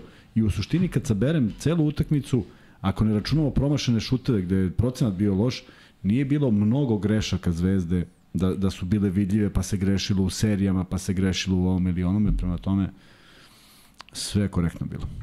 Nisu igrali Ilić i Kuzmić, ili ti je to okej? Okay? Ili misliš da je, da, za Kuzmića znamo da misliš da je? Znaš da mi nije okej. Okay. Da, ali okej, okay, ovde možda zato što gabariti centara, mislim da bi u nekom momentu da je došlo Stani Pani da bi on ušao malo da čisto kada je Kocer makar na terenu da on tu nešto otežao i drugi stvarno su s polja igrali i teško ih je čuvati, možda Inok, ali oni su porovili relativno malo vremena na, na parketu, tako da nije možda bilo potrebe. E, Ja, Kuzma, sada, um, kada pričamo o Zvezdi, imam jedno teško pitanje za tebe, onako, da li mi da će se zamisliti, ali evo, sad je ovo moment u kojem se pregovara sa igračima Crvene zvezde uh, za sledeću sezonu. Kojih šest, možda zadržiš šest, kojih šest bi ti zadržao? Hmm. Da. hmm. Ali sad je bilo kao da ispričamo. Laziš Kuzmić, da, da, da, da. Uh, Sam ti uvalio kosku, jesam? Nisi, no? nisi. Da mogu da biram sad šest. Šest, dakle, pregovaraš sa štoricom i kažeš ljudi moraš da ostaneš u klubu. Mora da ostaneš. Dajem sve. A, imamo neograničen budžet, mogu biram kogu da Neograničen. Kampaco, Petrušev, Lazić, a, morao bi da vidim diagnostiku, ne ne, morao bi da vidim diagnostiku Nedovića i, i, i Vildose Znači, uradio bi MRI tih zadnjih loža da vidim da li, ne, ne bi želeo da rizikujem. Jedan od njih dvojice, koliko sam ti to nabavio? Četiri? Četiri. Četiri. I vi nam kažete, vaša šestorica za koju... Čekaj, imaš dvojicu? Imaš još dvojicu, ćete li reći tog Mitrovića Ilić, i... Ilić i Mitrović. Mitrović na šestom mestu. Ne, ne, ne, ne, samo sam ga nabrao. Znači Ilić pre Mitrović. Čekaj da se setim ponovo. Mitrović. Eto, to je tih e, šest. E, Zalog za budućnost dvojica, ovi dvojica koji mislim da, da jesu majstori, dobro spoređeno. I da. dvojica koji su... Akcenat opet na domaćim igračima. Tako, da. Ja se slažem s tim što bih Nedović je stavio mesto Vilosa. Pa ja sam rekao, jedan od njih dvojice, nisam rekao, jedan od njih dvojice samo ko ima zdravije noge. Um, I Kuzman, imamo još nešto da kažemo za Zvezdu za kraj, dakle, pobede koja je onako otvorila neka nova vrata u smislu nade, i pobeda koja je, e, ajde da kažem, neki melem na ranu posle svih ovih bolnih poraza. E, eto, kada smo već tu da kažemo kakav je zvezdin raspored za dalje, dakle Zvezda e, gostuje Monaru u Baru, e, posle toga u onom duplom kolu Euroligije Zvezda dočekuje Valenciju pa gostuje Asvelu sa te dve pobede, kažem, rađa se sigurno nada ako se namesti još neki rezultati. I onda gostovanje Megi, pa dolazi Olimpijakos, bratski klub koji nikada ništa ne da zvezdi. Da, to je kao, da, e, samo oni da dođu i da. to je već gotovo i onda znaš da je dvojka. I onda Borac u Čačku i zatim Zvezda protiv Fenerbahča u Beogradu. Zaista je bilo lepo da Zvezda, ono što sam rekao i za Partizan, da taj meč protiv Panathinaikosa određuje nešto, da li će biti, ja se nadam, pozicija broj 4 ali da taj meč protiv e, Fenerbahča bude takav da se gleda i da možda slušaš tamo šta radi Baskonija. To je bilo jako lepo, ali... Bilo bi interesantno i šteta što su propušteni neki vozovi, jer sada kada pogledaš nije to bilo toliko daleko u Partizan još ima apsolutno šanse i nalazi se na dobroj poziciji i rezultati idu na ruku, ali mora da pobeđuje makar u ove dve od naredne tri utakmice da bude da ne zavisi ni od čega što Piš se ovde da dovoljno 2 od 4 do kraja. Pa to kaže. U smislu pa, da, jedno, ali nemoj da uđeš, ja, nemoj da uđeš u četvrtu i da to mora. Znači, da. za, zato kažem, bolje to ranije da se obezbedi. Ovaj, I onda kada bi, kad, ako Zvezda ostane na ovom nivou i sad os, uradi Zvezda četiri pobede ili tri, nije ni važno opet ćeš sabrati da su to dva kiksa kod kuće. Ne neka, ne neka preterana filozofija. Bole ti porazi baš ono, sa album. Oni ne bole dok traje, dok traje sezona. Ono momente kad se zavisiš, kažeš čekaj bre. Dva na meča pa ti prati Čekaj bre čoveče, igrao si Barcelonu, dobijenu utakmicu si izgubio. Dobro, dešava se. Majstor je dao koš. Igrao si drugu sa Barcelonom, bio si na koš od, od, od vojstva u zadnja dva minuta. Ok, dešava se. Ali kako se desi Alba? To je misterija, to je apsolutna misterija. A onda ta Alba koja ne može pobedi nikoga pobedi danas Efes takođe nenormalnost e, velikih razmera. Prema tome, dešava se, košarka je takva, ne postoji ništa što možeš da računaš. Nadam se da svi oni koji su pitali da li Fener ovo planirano radi, sad su uvereni da Kačika Kuzma kaže da to ne treba da se radi, sve i da hoće neko da radi, ne treba, zato što nikad nije dalo rezultat i obično ode u bestraga, evo odlazi u bestraga polako u jednoj utakmici u kojoj je neverovatno da FS7 razlike nije pretvorio u pobedu. Na 4 minuta do, Ma 3 minuta do kraja. Ja sam otišao sa sport kluba na 7 razlike, a pritom Pa da, minus pa da. 20 dođe do plus Pa da. 7 i misliš to je gotovo i onda vidim da je... Tako da, eto, to su neki da problemi koje donosi košarka i problemi koje donosi košarka, problemi koje donosi Jedan od broj problema. koji- utakmica. E, nisu to dobro koncipirane ekipe, nekad se provučeš, nekad ne.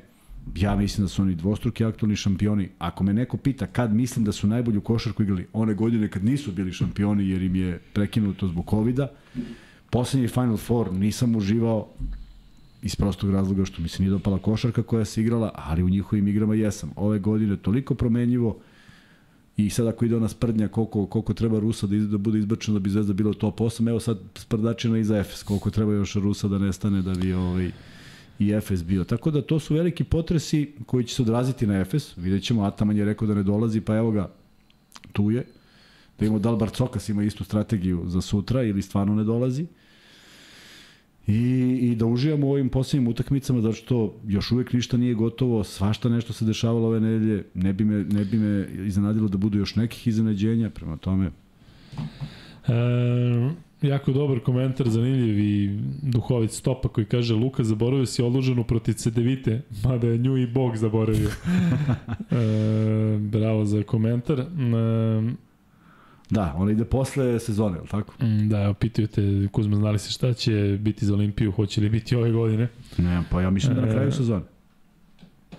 E, da, bližimo se 500 lajku, ali prilično sporo, tako da dajte mu ga malo po, po lajku, imamo 700 glasova. se 500 lajku. Da misli kad to uspore, kako će to da izgleda.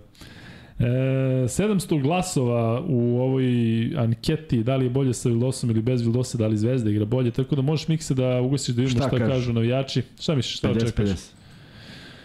E, 53 sa Vildosom, 46 bez Vildosa, tako da je tu negde na, Pa eto, blizu. na granici.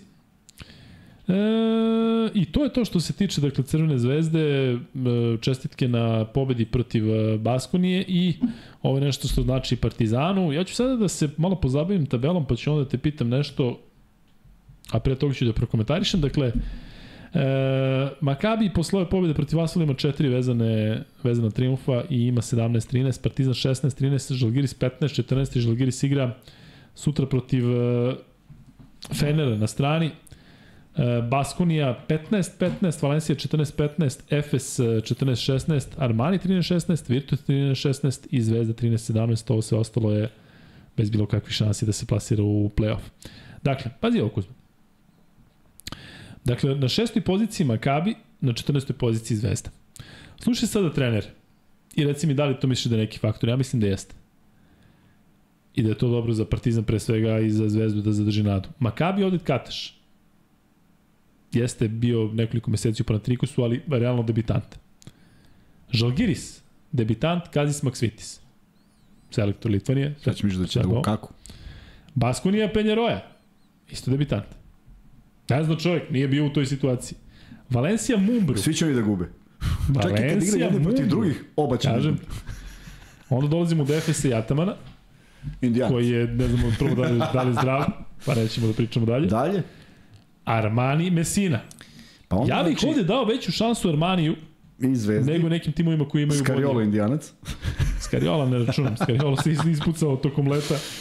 Ne može Ovaj, on i leti i zimi. Pa normalno. Zvezda Ivanović, što mislim da je jako bitan faktor. Tako da ja, meni se čini da, da konkretno Baskonija ako ima tri vezana poraza, da je, recimo da je primjer da je Ivanović bio tu u ovakvom trenutku sa takvim timom koji je u nalatu, koji se bori za top Tako je.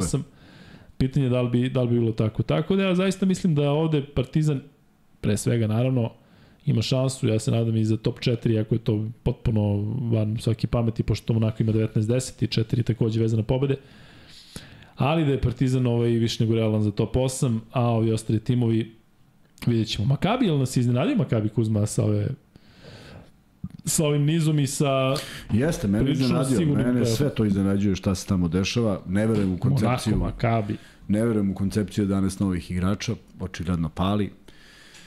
Pali ove sezone. Pa Sad- pali ove sezone i dobro si rekao, vidi, sad, evo, ima, ima tu jedna stvar koju, od koje nisam razmišljao. Ima veliki broj debitanata. I to su ljudi koji poznaju o košarci, znaju ono što znaju.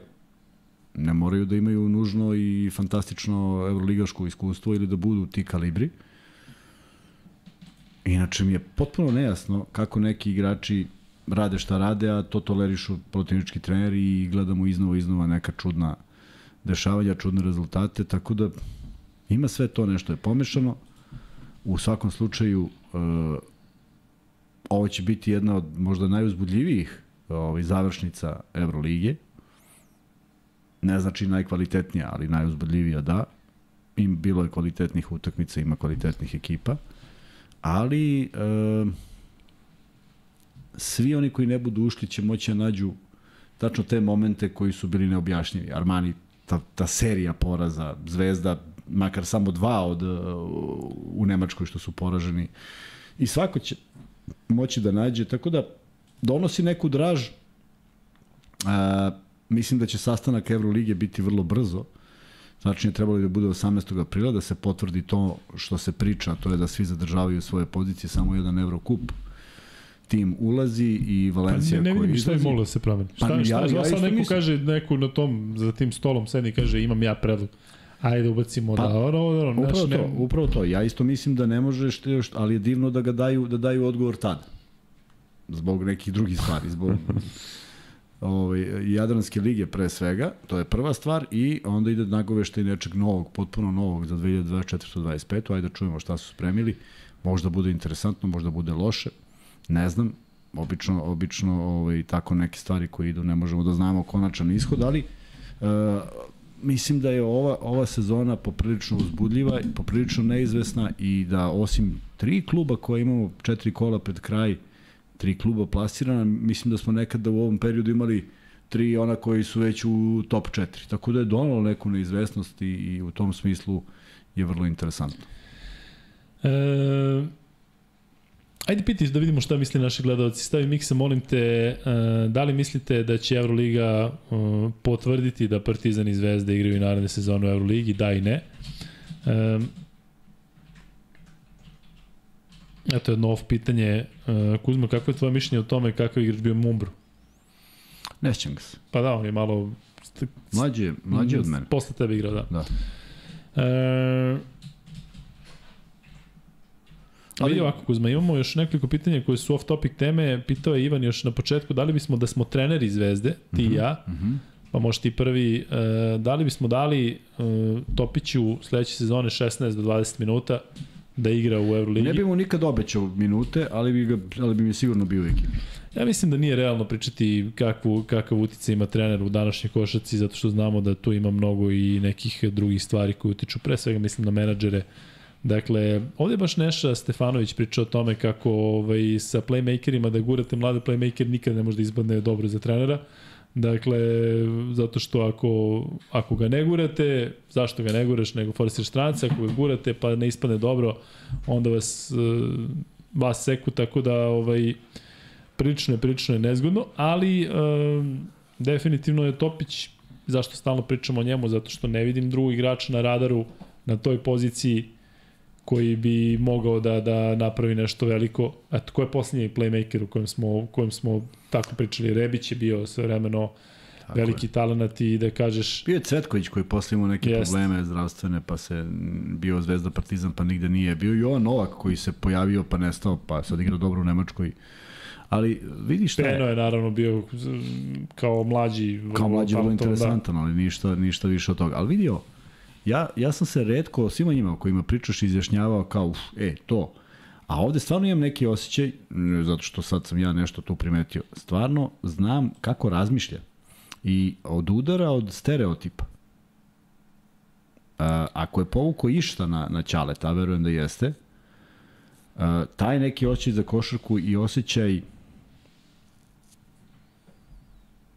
same košarke, same neke ljubavi prema košarci, uh, odnosa prema saigračima, želja da pobediš ne ti lično, nego da pobedi tvoj tim. Mislim da mu je to usađeno.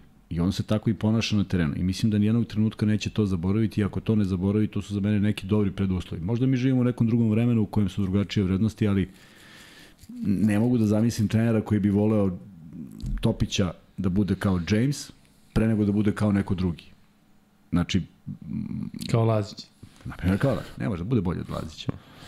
Da bude bolji od Lazića, da, da, igra, da igra sa tom glavom, sa tim rezonom koji im igra, da igra tako jednostavno. On je već pokazivao neke znake jednostavnosti u igri i to što je igrao za Zvezdu ove godine. Prema tome, e, samo da ne bude nekih drugačijih sputavanja i da on nađe dobru sredinu i da se posveti tome. Stvarno mislim da može da bude baš zato što ni u jednom jedinom segmentu koji se danas meri kod skauta, kvazi skauta i svih drugih, e, jel skočan, e, jel brz, e, koliko ima raspon ruku, e, da li, nema to nikakve veze. Mislim, tih atleta imaš koliko god hoćeš, pa ne razumeju ništa. E, ovo je sve suprotno. Niti atleta, niti on da se zaljubiš u visinu, niti je skočan 3 metra, niti ima raspon ruku, a sve što treba da radi, radi. Prema tome, mislim da je to mnogo važnije.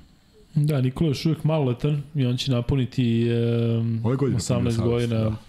u avgustu. I eto, kaskamo lagano ka tom 500 free betu, ali eto, da presećemo zato što treba da bude u vezi zvezde, pa će biti, eto baš u vezi Nikole Topića. Dakle, gde je rođen Nikola Topić? Da vidimo da li, da li ljudi znaju, a da ne moraju da googlaju. Tako da ko prvi odgovara dobija free bet. E, Sad mi recite po čemu je te, Topić toliko dobar, šta mi znamo o njemu iz komentara i na primjer ti Luka, gde si to mogao da gledaš kako on igra ono? Pa vidi, e, gledao sam ga verovo ili ne i bilo mi žao što je po, polomio ruku zato što sam baš planirao da obratim pažnju na njega na onom Adidas Next Generation turniru. On se povredio, ja mislim, nekoliko dana pre toga, tako. On je polomio ruku Jest. baš pre nego što je trebalo da igra. I nije ni za reprezentaciju. Tako, i onda je propalo praktično celo leto. E, promenjeni su planovi ali bila je juniorska, juniorsko prvenstvo, e, pa smo gledali onda Topića i protiv Panatenikosa, tako Kuzma, on je taj meč počeo u petorci, već kako beše. E, tako da imate kao um, neku vrstu merila ne samo utakmice. Možete vidite recimo dosta što se tiče tehnike šuta i svega na zagrevanju. Dakle, meni je uvijek bilo interesantno da na zagrevanju ako imam pola sata dođem pred neki meč, da vidim kako to izgleda, da vidim da li ima onih polupanaca koji se lože kao ja na zakucavanje, pa sad će onda pokaže da je, ne znam, zakuca, u stvari ne pokažeš ništa. A kad vidiš recimo kakvu neko ima tehniku šuta, kako naskače, kako se kreće, to možete vidjeti iz dve kolone, bukvalno. Tako da ovaj, e, za momka koji ima 17 godina naravno da nemamo kao reper 100 utakmica, tako Kuzma, ali što ti što Kuzma priča, dakle background sve ne, ne, sad pošto je to pitanje bilo otprilike ko ste vi sa šta vi tu znate i kad ste ga gledali, tako mi delovalo, onda da odgovorim. I sad pa i sad ovo, pa i sad odgovor kad ako taj koji je pitao želi da čuje. Basket for Kids je bio projekat sport kluba. Radio je sa decom do 12 godina. Dakle, svi oni koji su rođeni 2005. su imali prilike da učestvuju na tom turniru. I zamisli, na tom turniru se pojavi Nikola Topica. Zamisli 12-godišnjake i vidiš dečka koji potpuno odskače, ne opet visinom, snagom, brzinom, nego košarkaškim kvalitetom. Ej, 12 godina. Stane na loptu, promena ritma, finta, zadrška. Nije on imao izgrađen šut, pa ti sad kažeš, pa kako bi pa imao sa 12 godina. Prema tome, kad u tom uzrastu od, od ogromnog broja dece vidiš nekoga koji iskače, onda znaj da ipak nešto smo gledali i možda nešto znamo. Ne znamo sve, ali nešto možda znamo o košarci i o nekim talentovanim klincima i tako dalje. E, Luka, da li misliš da je minus za Partizan što duguje mnogo za porez i za Zvezdu minus sve što je bilo sa Kampacom, pitan zbog eventualnog igranja oba kluba u Euroligi sledeće godine? Pa ne mislim da se to negde gleda, da Euroliga gleda, mislim da je to mnogo šira slika za Euroligu, da je bilo problema na relaciji Euroliga Zvezda ove godine, jeste, ali e, vidi Euroliga i jedne i druge i zato mene plaši kada ja pozivam da se smire tenzije, da se sve smiri. Mislim da im više znači to kada vide ovde potencijalno krvoproliće u nekim međusobnim duelima, nego takve neke, da kažem, sporedne stvari. Tako da, opet sa druge strane, sigurno da im je veliki plus eh, Euroligi u smislu kada treba da donosi neke odluke, to što su i Zvezda i Partizan jako dobro odradili organizaciju Euroligaškog derbija, tako da sa te strane mislim da da znači čak to sa strane, vidite da malo, malo, malo pa neko, neko komentariše na društvenim mrežama, te društvene mreže su nažalost iz mog ugla danas toliko uticene i toliko bitne, ali kada Ljulj napiše na svom, čemu god Twitter nalogu ili šta god daje, uvek Srbi posebno gledaju na košaku pa stavio neku sliku E, pa kada imamo tu situaciju da Mike James isto komentariše atmosferu, da komentariše ovaj, sve i svašta, jednostavno mislim da ako Euroliga razmišlja o igračima, da apsolutno svakome znači od ligaških igrača da igra u ovakvoj atmosferi. Nema ih mnogo, je tako Kuzma? Dakle, mi imamo Žalgiriju arenu, gde je uvek puno, gde je danas posebna, odnosno ove sezone posebna atmosfera zbog potencijalnog Final Fora, gde bi mogao da bude Žalgiris. Imamo Menoram i Takim arenu, u, u Tel Avivu, da, gde daje, se da. jednostavno, s tim što su i oni recimo pali, oni mnogo, mnogo manje ove sezone prate domaće prvenstvo nego prošle godine, znam to zato što smo komentarisali toliko mečeva odatle na sport klubu, ali nema još mnogo nekih dvorana da kažeš sad će da gori. Posebno ovo što se dešava na gostovanju, i posebno to mislim na Partizan, dakle, pune dvorane, a dolaze ti gostujući navijači. To nije nešto na što je Euroliga navikla.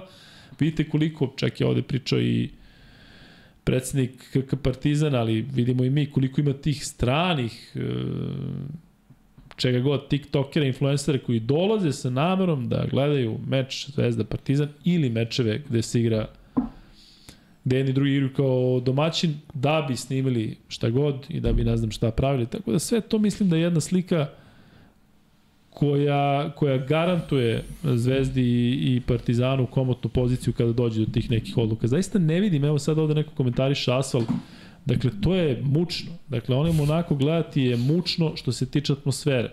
Sad su gurnuli lovu, kupili što god su mogli da kupe, borit će se, dakle, očigledno bit će jedni od favorita, ali što se tiče asfala, sa tom najavljenom prodajom Tonija Parkira, ja zaista ne znam u kom pravcu može da odem. Čovjek možda proda nekome koji ima drugačije planove. Sutra kaže bilo, šta se ja tu drnim? Pa da, znači on je bila, bio garancija Euroligi, verovatno je napravio neke razgovore u smislu, je, stvarno imam taj plan, imam tu viziju na više, više, god, više godina da se nešto gradi. Ja mislim da nikome ne bi zasmetalo osim nekom građaninu Liona kada bi Asvel završio učešće u Euroligi. Čak mislim da su oni sa ovakvom ekipom i sa ovakvim nekim sistemom možda bolji za Eurocup, da tu budu favoriti. Ovo je ona svejedno, nego iz Villerbana bi. Eto, ček, uvijek okriče pa, dobro, šalu, mala je razlika, tako pa mala je razlika, znaš kako. A vidio, znaš što je interesantno, apropo ovih društvenih mreža što si rekao, ovaj, kad je Luka Paskući bio, ne, ne, kad je Luka Paskući koji radi sada za Brooklyn Netse, bio u Beogradu, bio je i Danko Citičanin, koji je njihov scout. I sedeli smo, pričali i o problemima sad kako treba skautirati igrača, to se nekako stalno menja. I kaže, nećeš verovati, kaže, šta je jedna od stavki, gde moraš da popuniš. Broj pratilaca na društvenim mrežama.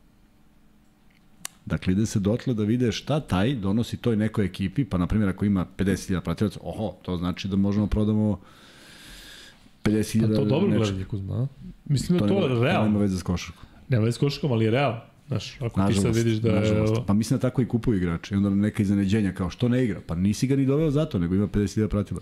Evo ljudi, vidite koliko su važne društvene mreže, dakle pratite nas zato na Facebooku. Zato pratite nas do 50.000. Na Instagramu, na Instagramu. I na YouTube. YouTube je... Svuda nas pratite. Da, svuda, svuda nas zapratite, zato što onda će Evlik da kaže, e, daj da čujemo što vi kažu, mi hode pijamo non stop, tako da ne di Bože da im neko prevodi ovo. E, pitanje za Luku i Kuzmu, šta mislite o Ristiću kao pojačanju za sledeću sezonu na poziciji centra trenutno u Galatasaraju? Mislim da... da Meni on je igrač za Euroligu. Da, posebno, ja bih dodao samo sad, da je neki... Ja, sad očekujem, sad očekujem sledeću kupa, a Jok Lazić ti je za Euroligu, znaš. A pritom on šalje, znaš, Rista šalje iz, iz Istanbula. Rista. E, možeš, Mikse, da ugasiš ovaj, ovaj pol i da lagano, ali sigurno pređemo na Partizan. Da ne remetimo veče. E, dobro, 78%, da li mislite da će Euroliga potvrditi da je Partizan i Zvezda igraju Euroligu u sledećoj sezoni? 78% Mislimo kaže da, da. da. 21% ne. E, Ljubomir Sivčev kaže, sramotno Luka da porediš 17.000 ljudi na utakmicama i jedva 7.000 ljudi. Za Partizan su rekli e, za Zvezdu, niko rekao nije, budi tačni, govorite istinu. Tako je. Vidi, e, Tako je, bre. Partizan stvarno ima atmosferu koja se ne pamti. Ali, Ja ću ti reći jednu stvar, iskreno ti govorim, dakle za Zvezda Efes i za Zvezda još nekoliko mečeva, ja sam dobio na desetine poruka, molim te možda vidiš na kartu, od ljudi koji jedva znamo, ljudi koji dobro znamo, ljudi koje, koje ovo, mogu misliti kako je bilo tebi, tako da sam siguran da bi Zvezda napunila 20-30 hiljada ljudi na nekim mečima, tako da nije možda ovo reper.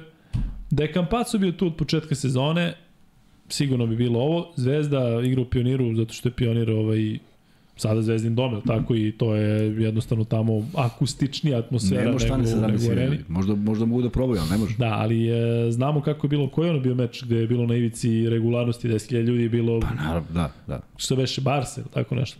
Barsa je bila prepuna. To je bilo Da. pitanje Tako da, e, ne treba opet porediti. Ne, se- znam zašto da. mora da se A mora, poredi sve. mora, dakle, kako ne dakle, mora? ja kada kažem Zvezda i Partizan, ja stvarno mislim da mi kao srpski klubovi i mi kao Srbi, kao ljudi iz ove zemlje, kako god, moramo da nastupimo zajedno, zašto smo tako E, ali- jači. Ovako, kada smo mi na različitim stranama, podložni smo da nas jebu sa strane, ako moram tako da Nemoj kažem, da i to pokušam ovde da... u, u, Pa ne, nego, kažem ti, ovde, ovde kada pričaš, kada pričaš da, da treba da, da nešto, ne treba da budemo zajedno, ne treba sada da se svi uhvatimo Ali- za ruke i kao mogu ja, na kraju Schindlerova liste. Može, ali Mogu ja kažem ti, kada me neko, kada, kada krene to poređenje, pa ovi su više ošio, to je, ide u nedogled ali bez... samo tvoj Rešenje. drug nešto da poruči momku koji je to napisao. Vidi ovako. Ne znamo šta donosi sutra. Tako ima nekih iznenađenja u životu za koje nismo sanjali. E se slažeš? Uh -huh. Nešto nas iznenadi, prosto... I, kako se zove momak? Ne znaš. Ne znam, ovde govori sad. Dobro. Marko. I Marko, promeni se klima i kaže, Zvezda je sada u domaćinu areni, a Partizan u pioniru. Iz hiljadu razloga. Desilo se nešto tako i promeni se. Kakav je sada narativ i navijača Partizana? Šta kaže navijač Partizana kada napuni sa 10.000 ljudi dvoranu koja prima 10.000 ljudi? Šta kaže na 17.000 zvezdinih? Jel on kaže bolje je na zvezdinom ili konstatuje da je fenomenalno u popunjenoj dvorani? Samo zbog toga se ne bavite time, jer se te stvari promene i onda budeš glup kad treba da kažeš nešto u odbranu, a ne možeš, jer ovo nema nikakav smisao. Partizan je domaćin u areni. Arena prima 20.000 ljudi. Fenomenalno igrati sa 17.000 navijača. Ili 18, ili 20.000, potpuno sve jedno. To se zove 100% popunjenost dvorane. E se tako zove? Dobro, mislim da oni koji idu tom linijom da razmišljaju kako je bilo i e, da je dvorana bila po čaškovima prazna u nekim bitnim mečima. Slažem se, ali hoću da kažem da se to promeni sutra kod nas. I odjednom ovi rade u ovoj, a ovi u ovoj dvorani. Šta ćemo onda? Zato ne treba pričati o tome na taj način. Partizanove utakmice su fenomenalna atmosfera. Zvezdin u meni danas bilo mnogo bolje nego kad je nekad pun. Pa je ga, tako je bila e, energija publike. Nije to jedino merilo. Nije merilo da li ušlo 5000 ili 5100 ili 4200. Zaista nije. Pa ja, ja bih volao da svako doživi utakmicu u Čačku u, u 2000 ljudi. Pa to je atmosfera koja, se, koja, koja ne može se porediti ni sa čim. Jer si ti u grotlu jednom da svako može uvati za glavu. E, to je atmosfera.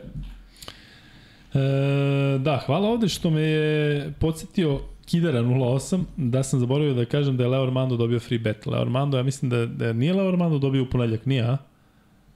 Mislim da nije. Tako da znaš, Leo, da je e,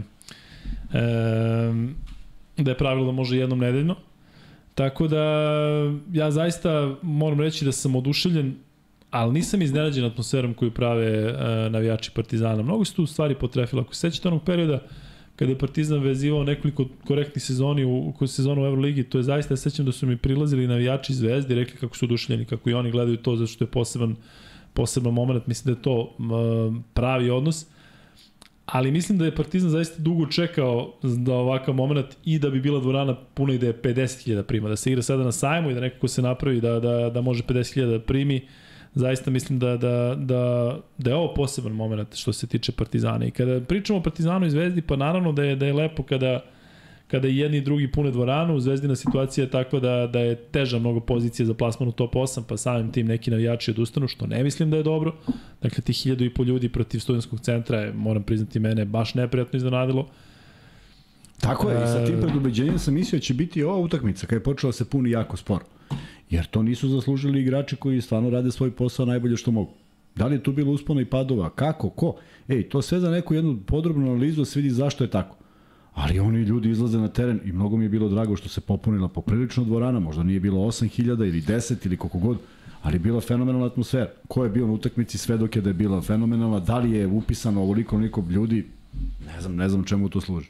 Da, i e, moram reći da, eto, na stranu zaista ne poredim sa Zvezdom, zaista ne pravim razliku, ali treba pohvaliti navijači Partizana koji su punili istim intenzitetom i kada je Partizan imao one ozbiljne krize. i kada je bilo i onaj poraz, kada je bio poraz od Zvezde i kada je bilo i teških momenta ove sezone, odnos je zaista bio isti. Ja mislim da sam samo u jednom meču, ne sjećam se kom, osetio onako nervozu sa tribina kada se promaši pa se onako odreaguje, čuješ kako cela dvorana ovaj, onako kako je nestrpljiva, ali eto to se brzo izmenilo, mislim da je onaj trimo protiv Efesa i ona trojka na ja mislim da su bili izuzetno, izuzetno značajni za, za ovaj za sezonu Partizana.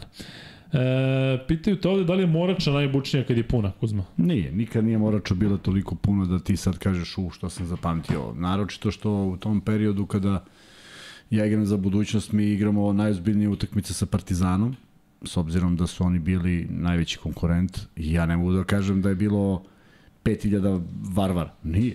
Bilo je 2000... Postoje varvari danas? Ima, ima. Postoje, da. I bilo je stvarno divnih 2500 navijača, oni zauzmu tribinu iza gola i ovaj stra... ali grobari su bili preko puta i bude barabar, bude pola-pola. Tako da bude fenomenalna atmosfera. I stvarno nikada nije dolazilo do nekog, neke intervencije, u, makar ne u Morači. Puna dvorana. Jednih i drugih. To su posljednja finale koje smo igrali.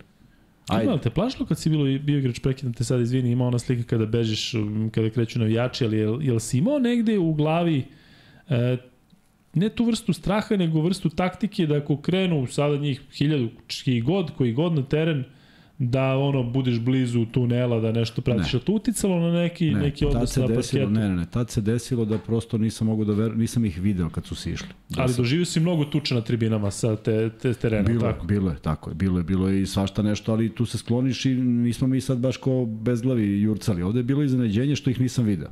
Međutim, u tom istom trenutku kad se ja okrećem i tražim negde gde da se sklonim, vidim da svi igrači Partizana, Mića pre svega ide i govori daj bre ljudi stanite, znači vidiš da se neki razum nalazi. Samo je bilo bitno da te neko ne saplete.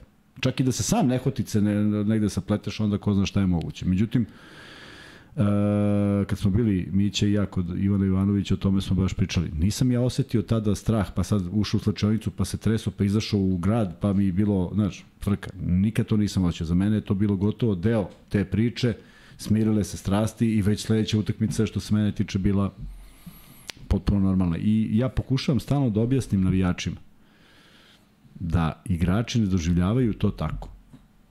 Pokušavam čak i da skrenem pažnju pojedinim navijačima da to sve što viču, ne čuje se. Oni su ubeđeni da se to sve čuje.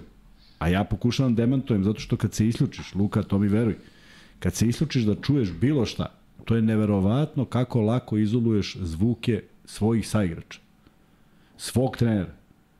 On se dere u gomili onih ljudi i ti tačno čuješ šta on viče sa klupe, da. jer ti prepoznaješ taj, tebe nijedan drugi ne, ne, mogu viču šta god hoće. Pričao si o tome pa kad da. smo ono, rekao si, pokušajte da me čujete tokom igre. Tako je, pa tako je. Pokušaj da čuješ šta. Po praznim okay, galama. pa slažem se, nego da, da, samo znaš ko viče, možda viče neko, ne, neki taj jedan na tribinom. Tako da to su neke ove stvari koje smo zaista sa velikim zadovoljstvom želi da vidimo na parketu i nikada niko od nas se nije osetio na bilo koji način ugroženom. Ja ne znam da se to desilo, ja sigurno nisam, a prošli smo svašta i ovoga i onoga. Tako da sve su to bile lepe, dobre stvari u jednoj dobroj karijeri. Tako, tako gledam na to. Kaže Ivan i donira ponovo i hvala Ivane. Kaže, mnogi prate košaku jer je očajan partizan u futbolu. Četvoro, petro ljudi koji ja znam su mi to lično rekli, a i 10 godina bez Eurolige je mnogo, svaka čast. Pa pazi, ne verujem da bi, da bi da sad ima oni koji da je, da Partizan prvak Evropa u futbolu bi rekli ja neću da idem na, na možda jedino ako se utakmice sudaraju. Mislim jednostavno da je bitniji taj podatak da je dugo Partizan bez Euroligije, da je Željko tu i da jednostavno stvora neka atmosfera pobednička i da e, je zaista za sada sezona u Euroligi e, i više nego uspešna i Crni Grobar koji je zaista veliki car je ovde eto od očekivao bio ovo od nekog druga, ali on kaže da je 14.000 bila najmanja poseta uh, Partizana protiv Valencije. Jeste, to je taj meč kada je bilo onako prilično, uh, kada sam ja osetio nervozu sa tribina. E, Pitanje za Kuzmu. Ne razumem, kažeš Kuzma da ne veruješ u koncepciju 10 novih igrača Makabija, pa Zvezda je dovela 10 novih igrača ove sezone. Da, ali je zadržala šestoricu koji su bili bitni iz prošle sezone, ček, ček, a Makabi je obrnuo potpuno u smislu ček, da su... Maka, pa Kampacu i Vildosa su potpuno pali iz, iz nevezanog. Dakle, da je, ono, da, je ono, da je ono što su doveli za živelo, to bi bilo Ilić i Petrušev kao domaći igrači, što je neki potpuno drugačiji vid i četiri strance, ali tako sam ja razumeo. Pa ja mislim, je li to šest ili ima još neko ko je došao? Dakle, žal, uh, uh, uh, Makabi je završio sezonu i počeo pripreme i doveo Žiku, Miku, Peru, Lazu, Đoku i njih 11. To se nikad nije uradilo. I ne znam tim koji je napravio rezultat da je to uradio. Ja stvarno ne znam. Pa Željko Obradović je došao u Fener, je li tako bilo? Imao je na raspolaganju šta god je hteo. I šta je rekao? Godinu dana moramo da pravimo tim. Što bi on to rekao? Šta kao frka mu da kaže pa nije nego zato što tako ide. A ovi su stvarno napravili nešto u prvoj godini se plasiraju u top 8. Sad je već izvesno da su tu na korak. E, to nisam očekivao. Jer taj isti Makabi je odlaskom Cirbesa iz Zvezde imao Sonija Vimsa, tako bio, Soni Vims. I plejadu bekova gde se nije znalo ko je bolji. I bili su posljednji tim u ligi. Ista, isti princip. Čak nije bilo 11, nego je bilo 6, pa nije moglo. A ne 11 glava da, da, da ukomponuješ. Tako da... Ti bio dobar bio igrač Soni Vims. Jeste. A, dobro. Ma kako nije? On je tamo zvolio kinu pa igrao za onih Guangdong da, on je, on je Tamo se našao da. i... Ali bi bio opasan napadač. Jeste, jeste. Samo što tamo niko nije dodavao loptu. I sad ti dovedeš 11 glava i kao to će da funkcioniš. A ne, stvarno ne znam za primer da je neko napravio takvu, takav, takav presek. Drugari, vreme je da pređemo na Partizan, uh, ali pre toga samo da prokomentarišem Panathinaikos Barsa, taj meč sam prenosio 74-88, Panathinaikos se raspada, E, malo A i Barca nije ubedljiva nešto, a? Pa dobro, Barca ovaj, može mnogo bolje, e, oslanja se na Mirutića koji je zaista jedan košarkaški genijalac, tako da to je očekio, ne bih se tu zadržavao. Alba Efes je neobjašnjivo, kaže, ja nisam gledao utakmicu kad dođem, pogledat ću highlights, ne vrlo da ću pogledati sve, ali da Alba vodi 20 i da Efes vodi 7, 81, 74, mislim da je bilo kada sam krenuo sa sport kluba ovde, i da ja postavim 95, 93, kako je to moguće da mi neko rekao da će Alba protiv šampiona, pazi, Alba koja je posljednja, više nije, sada je Asfel, i Efes koji je dvostruki šampion i kada od minus 20 ovaj dođe do plus 7 Ti i onda te kao da. stiže. Efes je, neko je tamo pit, e, e, rekao, kaže Luka, reci, molim te, ali Efes je za šampiona ipak, svi znamo šta, kakva je ekipa. Ovaj, I toliko su uložili. Razmišljao sam danas šta je moglo da se promeni. Odlazak Simona, bitan faktor. Singleton koji se vra, šest meseci ne igra pa se vraća u klub iz kog je otišao, ovo, ali mislim da je ključno to što se Clyburn jednostavno ne uklapa sa ovom dvojicom. Tako je. I da je tu ja samo da mi da, da pričamo ja sve i da svašta. Da Lako bi odsustvo Simona nadoknadio neko ko, ko, ko je tu I, smislenije. Jest, ja mislim da je to nalazi u rešenju napad. I to da su, to su, to je 30 lopti, treba potroše dva igrača. To su bili Larkin i Micić i ovo ostalo šta podele. I dođe Kruno Simon i šutne jednu, dve, možda nekad i pet. A ovde je 30 deliš na tri bez neke naročite ovaj, fokusa kome tu sad ide. To su Larkin i Micić prilično dobro radili. Čak i Larkin izjavio, ok, ja prebacim Vasi da. pa Vasa cepa. A ovde je tri, to je već velika gužva. Tako da ispostavlja se, možda nikakve veze nema s tim, ali jedan od uzroka, uzroka može da bude i drugi uzrok može da bude ipak uh, kad ti se malo pomeša sve u glavi, kad si odsustvo sa Evropskog si, na evropskom si se povredio, propuštaš deo sezone, želiš da igraš, voliš da igraš, Larkin zaista voli da se nadmeće da igra ovaj lepu košarku, a ne ide. A nisi u formi, a sad si još i negde druga izmena, treća izmena, pa ne trpi to svako isto i tako dalje.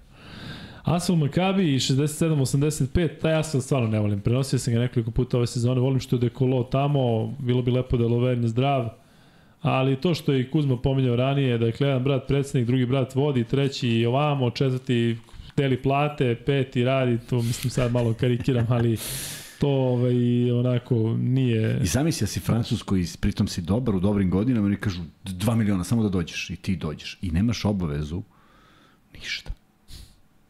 Već je dovoljno dobro što si Francuz, što si zvezda, igraš 15-20 poena, 20-25 minuta, pobeda, pa nema veze. Idemo, sutra, idemo večeras u grad i Milina, za nema lepše. Jeste. Savršeno. Kako se zove čovjek što nam je poslao sa Burga majicu? Miša Dobričan.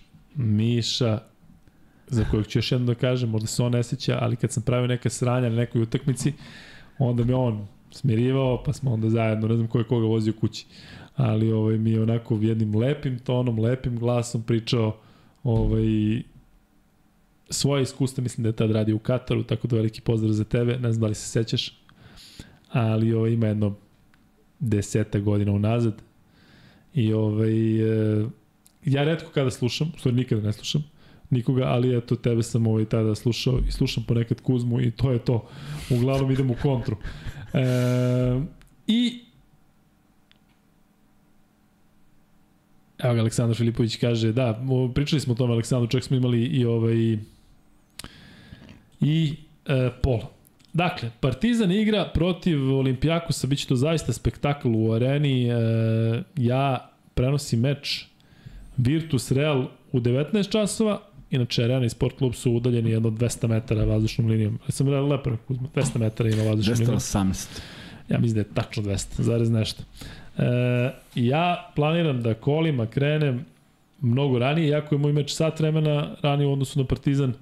Dakle, bit će gužve, tražila se karta više, Kuzma, hoćeš da otkriš ljudima da smo ja i ti stali u nekim redovima. Kupovali smo karte, da. Da, kupovali smo karte za Partizan. Pa se vidimo da, u utakmi, znaš. Da, da, u Skyboxu, tamo smo, Skyboxu imamo, ovaj, već su ljudi čuli. E, ali... E, A, ne, nije, mi smo uzeli za Barcelonu. Je tako? Mhm. Mm da, za, za Olimpijakos nisu imali. Nisu. Ovaj, e, moram priznati da mi nedostaje da odem da vidim kakva je to atmosfera, iako ja volim više da odem na utakmice MZT, ovo sve, dakle kad ne idu ljudi, da, da budem tu da podržim.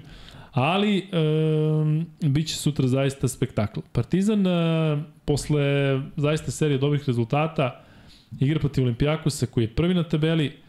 Kuzma, e, koliko je za Partizan dobra pozicija baš što Olimpi, Olimpijakos dolazi u ovoj situaciji kada, kada zaista ako, ne, ako u nekom trenutku može da se povedi Olimpijakos može sada u, u ovakvom momentu. Pritom Olimpijakos ne znam koliko će siliti zato što njima nije stani pani, jer praktično prva pozicija ti ne donosi ništa u prvom kolu, tako?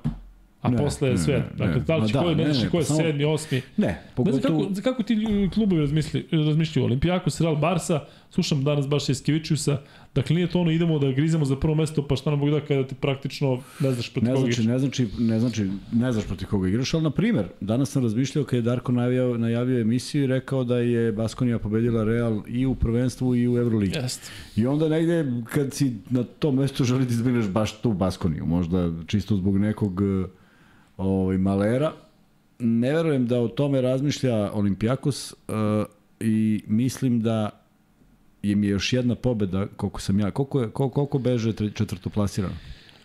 Olimpijakos? Da. 21-8 ima Olimpijakos, Monako na četvrtoj poziciji ima 19-10. Znači, beže nedovoljno. Još jednom pobedom oni beže tako da ne mogu da ispadnu iz četiri. Je li tako? Da. Zato će oni odigrati da što pre dođu do te jedne pobede. Tako da, ovaj moment možda, možda bi bilo bolje da je za dva kola. Možda bi bio još bolji moment, a da je Partizan u istoj formi. Ali u pravu si, Partizan igra dobro. Jedna ekipa koja možda igra najbolje sada, trenutno, bar ono po što pokazuju unazad, pa ne unazad, tokom cele sezone. E, ekipa koja voli da se nadigrava, u ekipi u kojoj će imati motiva da se Željko Obradoviću predstave pa ne samo njegov bivši igrač Lukas, nego i njegovi večiti konkurenti iz Grčke. Uf, ima mnogo, mnogo, mnogo veze ima između dva. A mislim da čak i taj Vezenkov želi da ga gleda da Željko Bradović u nekom dobrom izdanju. Dakle, svi imaju motiv da, da odigraju dobro. Prema tome, neće biti utakmica u kojoj će bilo ko nastupiti sa e, aj, nema veze, šta god da bude, nego naprotiv, mislim da ima mnogo sportskih motiva, isključivo o sportskim motivima pričam, da bi to mogla bude jako dobra utakmica. Partizan je pokazao unazad u nekoliko utakmica da čak i kada, i kada loše krene ovaj, zna da završi, jer posljednja utakmica koju je Partizan odigrao protiv FSA tri godine da je trajala utakmica, to se ne bi preokrenulo, koliko je bilo sigurnosti. Prema tome, e, treba raspoloživi igrači, baš kao što je bilo, baš kao što, je bilo, kao što su bili igrači sa klupe, baš kao što je uradio to Avramović što kroz pojene, baš što je uradio Smajlegić kroz neke bitne momente ili svi ostali. Tako da, ako su svi zdravi i ako su svesni šta mogu da urade i ako ih ne pojede atmosfera u smislu o, važnosti utakmice, jer ne mislim da je najvažnija, ne mislim da nema popravnog, tako da čak nije ni, ni, ni ono biti ili ne biti. Prema tome, ajde da verujemo da Partizan može da odigra još jednu ovakvu utakmicu, jer će biti potrebna prilično dobra utakmica, prilično kontrolisana, prilično fokusirana za pobedu na jednom od prilično, ne mogu kažem najboljih, ali da, jedna od najboljih ekipa, definitivno ove sezone. Mislim da su najviše prikazali za sada. jesu. Pa ajde da kažemo, jedna je po bila lučnom tu- I tu ne mislim samo Da. zato što su prvi na tabeli, nego jednostavno Da, ove da, sezone da. kako su gazili neke Jest, timove, ono jest, Fenerbahče, jest, kako su dva puta jest, uh, Da, nisu očistili. postojali, da. E, pritom, pričali smo o tome i u ponedljak. Zaista mislim da utakmica koju je Partizan izgubio protiv Olimpijakosa u novembru apsolutno nema nikakav Nema značaj, zato nikakav i što ne je treba tad da bilo razmišljaju o tome. sa tako. devet igrača, sa glasom, sa Đorđejem u, u, u timu i sa minutima koje su igrali, dakle to je bila verovatno najslabija partija Partizana sa ona četiri poena u posljednjoj četvrtini, tako da to sve treba zaboraviti, Ma sada su potpuno to, drugačije naravno. okolnosti. Ja moram da kažem navijačima Partizana da moramo da uživamo u ovom trenutku, dakle svi mi zajedno, zato što Partizan M igra dobro, M nešto što je zaista, treba reći, um, Partizan trenutno nema neke ozbiljnije povrede u timu i to neće moći da traje zaovek zato što jednostavno je to košak, tako Partizan, zamisli da sada ostane do kraja svi zdravi, daj Bože, ali eto i Balša se vraća, ušao u trenažni proces, ali eto kada smo već kod njega, ne treba očekivati od njega Ne, sada ne, ne, bilo ne. šta, dakle on je tu više da, da Ako bude mogao se asistira na treningu, da, da, da, to treba neke medicinska minute i tako. služba da tako. odredi da ne dođe do, do, do neželjenih nekih dejstava zato što znam kako je to to sam imao ja sa 18 godina pa nemaš pojma da li izlazi iz organizma ili nije Da li si pošli ili si došli, Pa ili da da. li pošli ili došli. bukvalno tako da ovaj Jel ima neki posljedice kasnije u smislu ima nešto kasnije da... ako ostane imaš na jetri da Da, ali ne, ti jel ono si, si nekada im osjećao ponovo da ti pada imunitet, nešto kaže da to Ne, ne, ne, da ne, ne, držiš ne. u organizmu pa možda Ne, da preneseš, ne, ne. bla, bla, bla. to nisam imao jer, ja sam uradio analizu krvi i nije bilo više Znači, prošle, a. bilo je svašta nešto ali nije bilo toga Ehm, Partizan je u posljednjem meču pobedio Efes e, na gostovanju bio zaista onako ubedljiv. E, mislim da um, je to verovatno i najbolja partija na gostovanju Partizana ove sezone. Pre toga je izgubljen onaj meč od Armanija, a opet e, pre toga, sećate se, Partizan je pobedio Virtus i pobedio Albu, tako da Partizan u posljednje te, te, četiri utakmice ima skor 3-1. Ja ću sada malo proći e, kroz mm, roster Partizana, verovali ili ne, zato što mi je zanimljivo koliko tu ima veza sa Olimpijakosom, odnosno razmišljam koliko igrača iz ovog tima Partizana ima poseban motiv protiv Olimpijakosa. Pazite sad ovo. Tristan Vukčević, Ćale igrao za Olimpijakos. Dakle, gde ćeš, ovaj, gde ćeš bolje, sigurno da ako dobiješ šansu da će mu to negde biti u glavi, pritom Tristan Vukčević koji može da igra verovali ili ne za pet reprezentacija Srbiju, što je rekao Tata Dušan da će vjerojatno biti i slučaj, dakle da se uopšte ne priča o nekim drugim uh, zemljama. Grčka, Švedska, zbog mame, a možda igra i za Italiju i za Španiju. Znaš da, da, da postoji, da je Tristan Vukčević eligible da igra za pet reprezentacija. Srbija, Grčka, Švedska, Italija, Španija. kako me U Italiji rođen, u Španiji bio tamo već za Real igrao koliko dugo. Ćale, Grki, Srbin, po državljanstvu, mama Šeđenka. ma ej to Za ne kog bi ti igrao? za Švedsku Ti budeš najbolji igrač sa ovim Birganderom. Um, šal na stranu, dakle, Tristan, je li tako Kuzma, igraš, igraš protiv kluba gde ti je Ćale igrao, sigurno da ima motiv poseban, se slažeš? ima sigurno Pa i sad ovo. svako ima tamo motiv Slušaj sad motiv Zeka Ledeja, bivši klub. Ako pamtite, Zek Ledej je bio pa relativno nepoznat e, kada je došao u, u, u Euroligu, zato što je odradio onu jednu sezonu u Izraelu, pa onda u Olimpijakosu odigrao prilično dobro, u Žalgiri su bio sjajan i zatim ta jedna sezona u Armaniji, tako da on sigurno da ima posebnu vezu sa Olimpijakosom. Dolazimo do Aleksa Avramovića, što je meni posebno značajno. Dakle, za Aleksu Avramovića, to možda vam zvuči čudno, ali za Aleksu ovo prvi meč protiv Olimpijakosa. Znaš? Pa jes Nikada nije igrao protiv Olimpijakosa. Dakle, Aleksa koji ono razmišljaš, čekaj kako je to moguće. E, ima čovjek 28 godina, skoro 29 i reprezentativac i a, ali Aleks je ovo prvi meč protiv Olimpijakosa. Kevin Panter, kapitan Partizana, bivši klub Olimpijakosa. E, našao sam bio kad sam razmišljao neku vezu Alena Smajlagića, ne mogu da se setim ovaj, šta i kako. Janis Papapetru igrao za Panathinaikos, naravno da mu je protiv Olimpijakosa poseban moment. Dante Tako. Exum, evo motiva Dante Exum, Ajde, čuj. bio povređen na prvom meču, nije mogao da igra. E, Partizan dao Srbiji da igra e, u dao Srbiji neke igrače, ovaj, Exum nije mogao da igra. Dakle, daj sada da, da, da, da pokažem šta sam i ko sam. Samo da ne pojure da to urade u, na početku. Iz prostog razloga što je početak takođe bio loš, pa su se vratili u igru. Nema, traje mnogo dugo utakmica i sve je nadoknadivo i vidimo nebrojeno. Evo sad si danas gleda utakmicu koja ima 30 razlike, je li tako? Uh, Alba i Da, Efes. Sa 20, minus da. 22 na 7. da, da.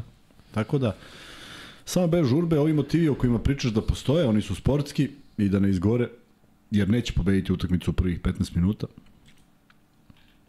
Strpljivo, 40, sa jednom sigurnošću, sa, sa, sa dobrim backupom sa klupe, što je vrlo bitno, jer se onda igrači zaista odmore i ne moraju da se vrati istog sekunda kada uđu, nego jednostavno na terenu se održava, ne, odigrava nešto dobro, ali isto tako da poslušaju i da čuju koje su to, ako ne znaju, koje su baš zato što nisu imali prilike da igraju protiv tih igrača, da poslušaju koje su to glavne prednosti pojedinih igrača. Ima zaista ljudi koji su u fantastičnoj formi i na koje treba obratiti pažnju. Naravno, sve oči su uprte u Vezenkova, Hajde vidimo kako će onda se snađe u nečemu što će Obradović sigurno pripremiti samo za njega. E, da, e, dalje, što se tiče motiva igrača Partizana, dolazimo Kuzma do koga? Dolazimo do Jamesa Naneli, ali tako, nema šanse da on ima neki motiv protiv Olimpijakosa. Da ima. Pa neki poseban. Ali pazi ovo. Aj, pa, Znaš koji mu je prvi tim u Evropi? Pa je Olimpijakos. Nije, nego, ako pogodiš, čišim se na ćelo momentalno. Ne, Nečekam- ne, nečekam već mene. onako treba na kraju sezone. Pusti sad Kad kraje sezone, to već za dva ponedeljka. Prvi tim Jamesa Nanelija u Evropi je Kava, Kavala, Ma idi, bre. pre 10 godina. I dođeš, Olimpijakos, sigurno da i njemu, ali toliko je puta igrao protiv Olimpijakosa, je. naravno. I sećaju se svi baš pričaju o tom periodu. kada on je, u on, on sad kaže, brate, jedno sam čekao ovaj moment.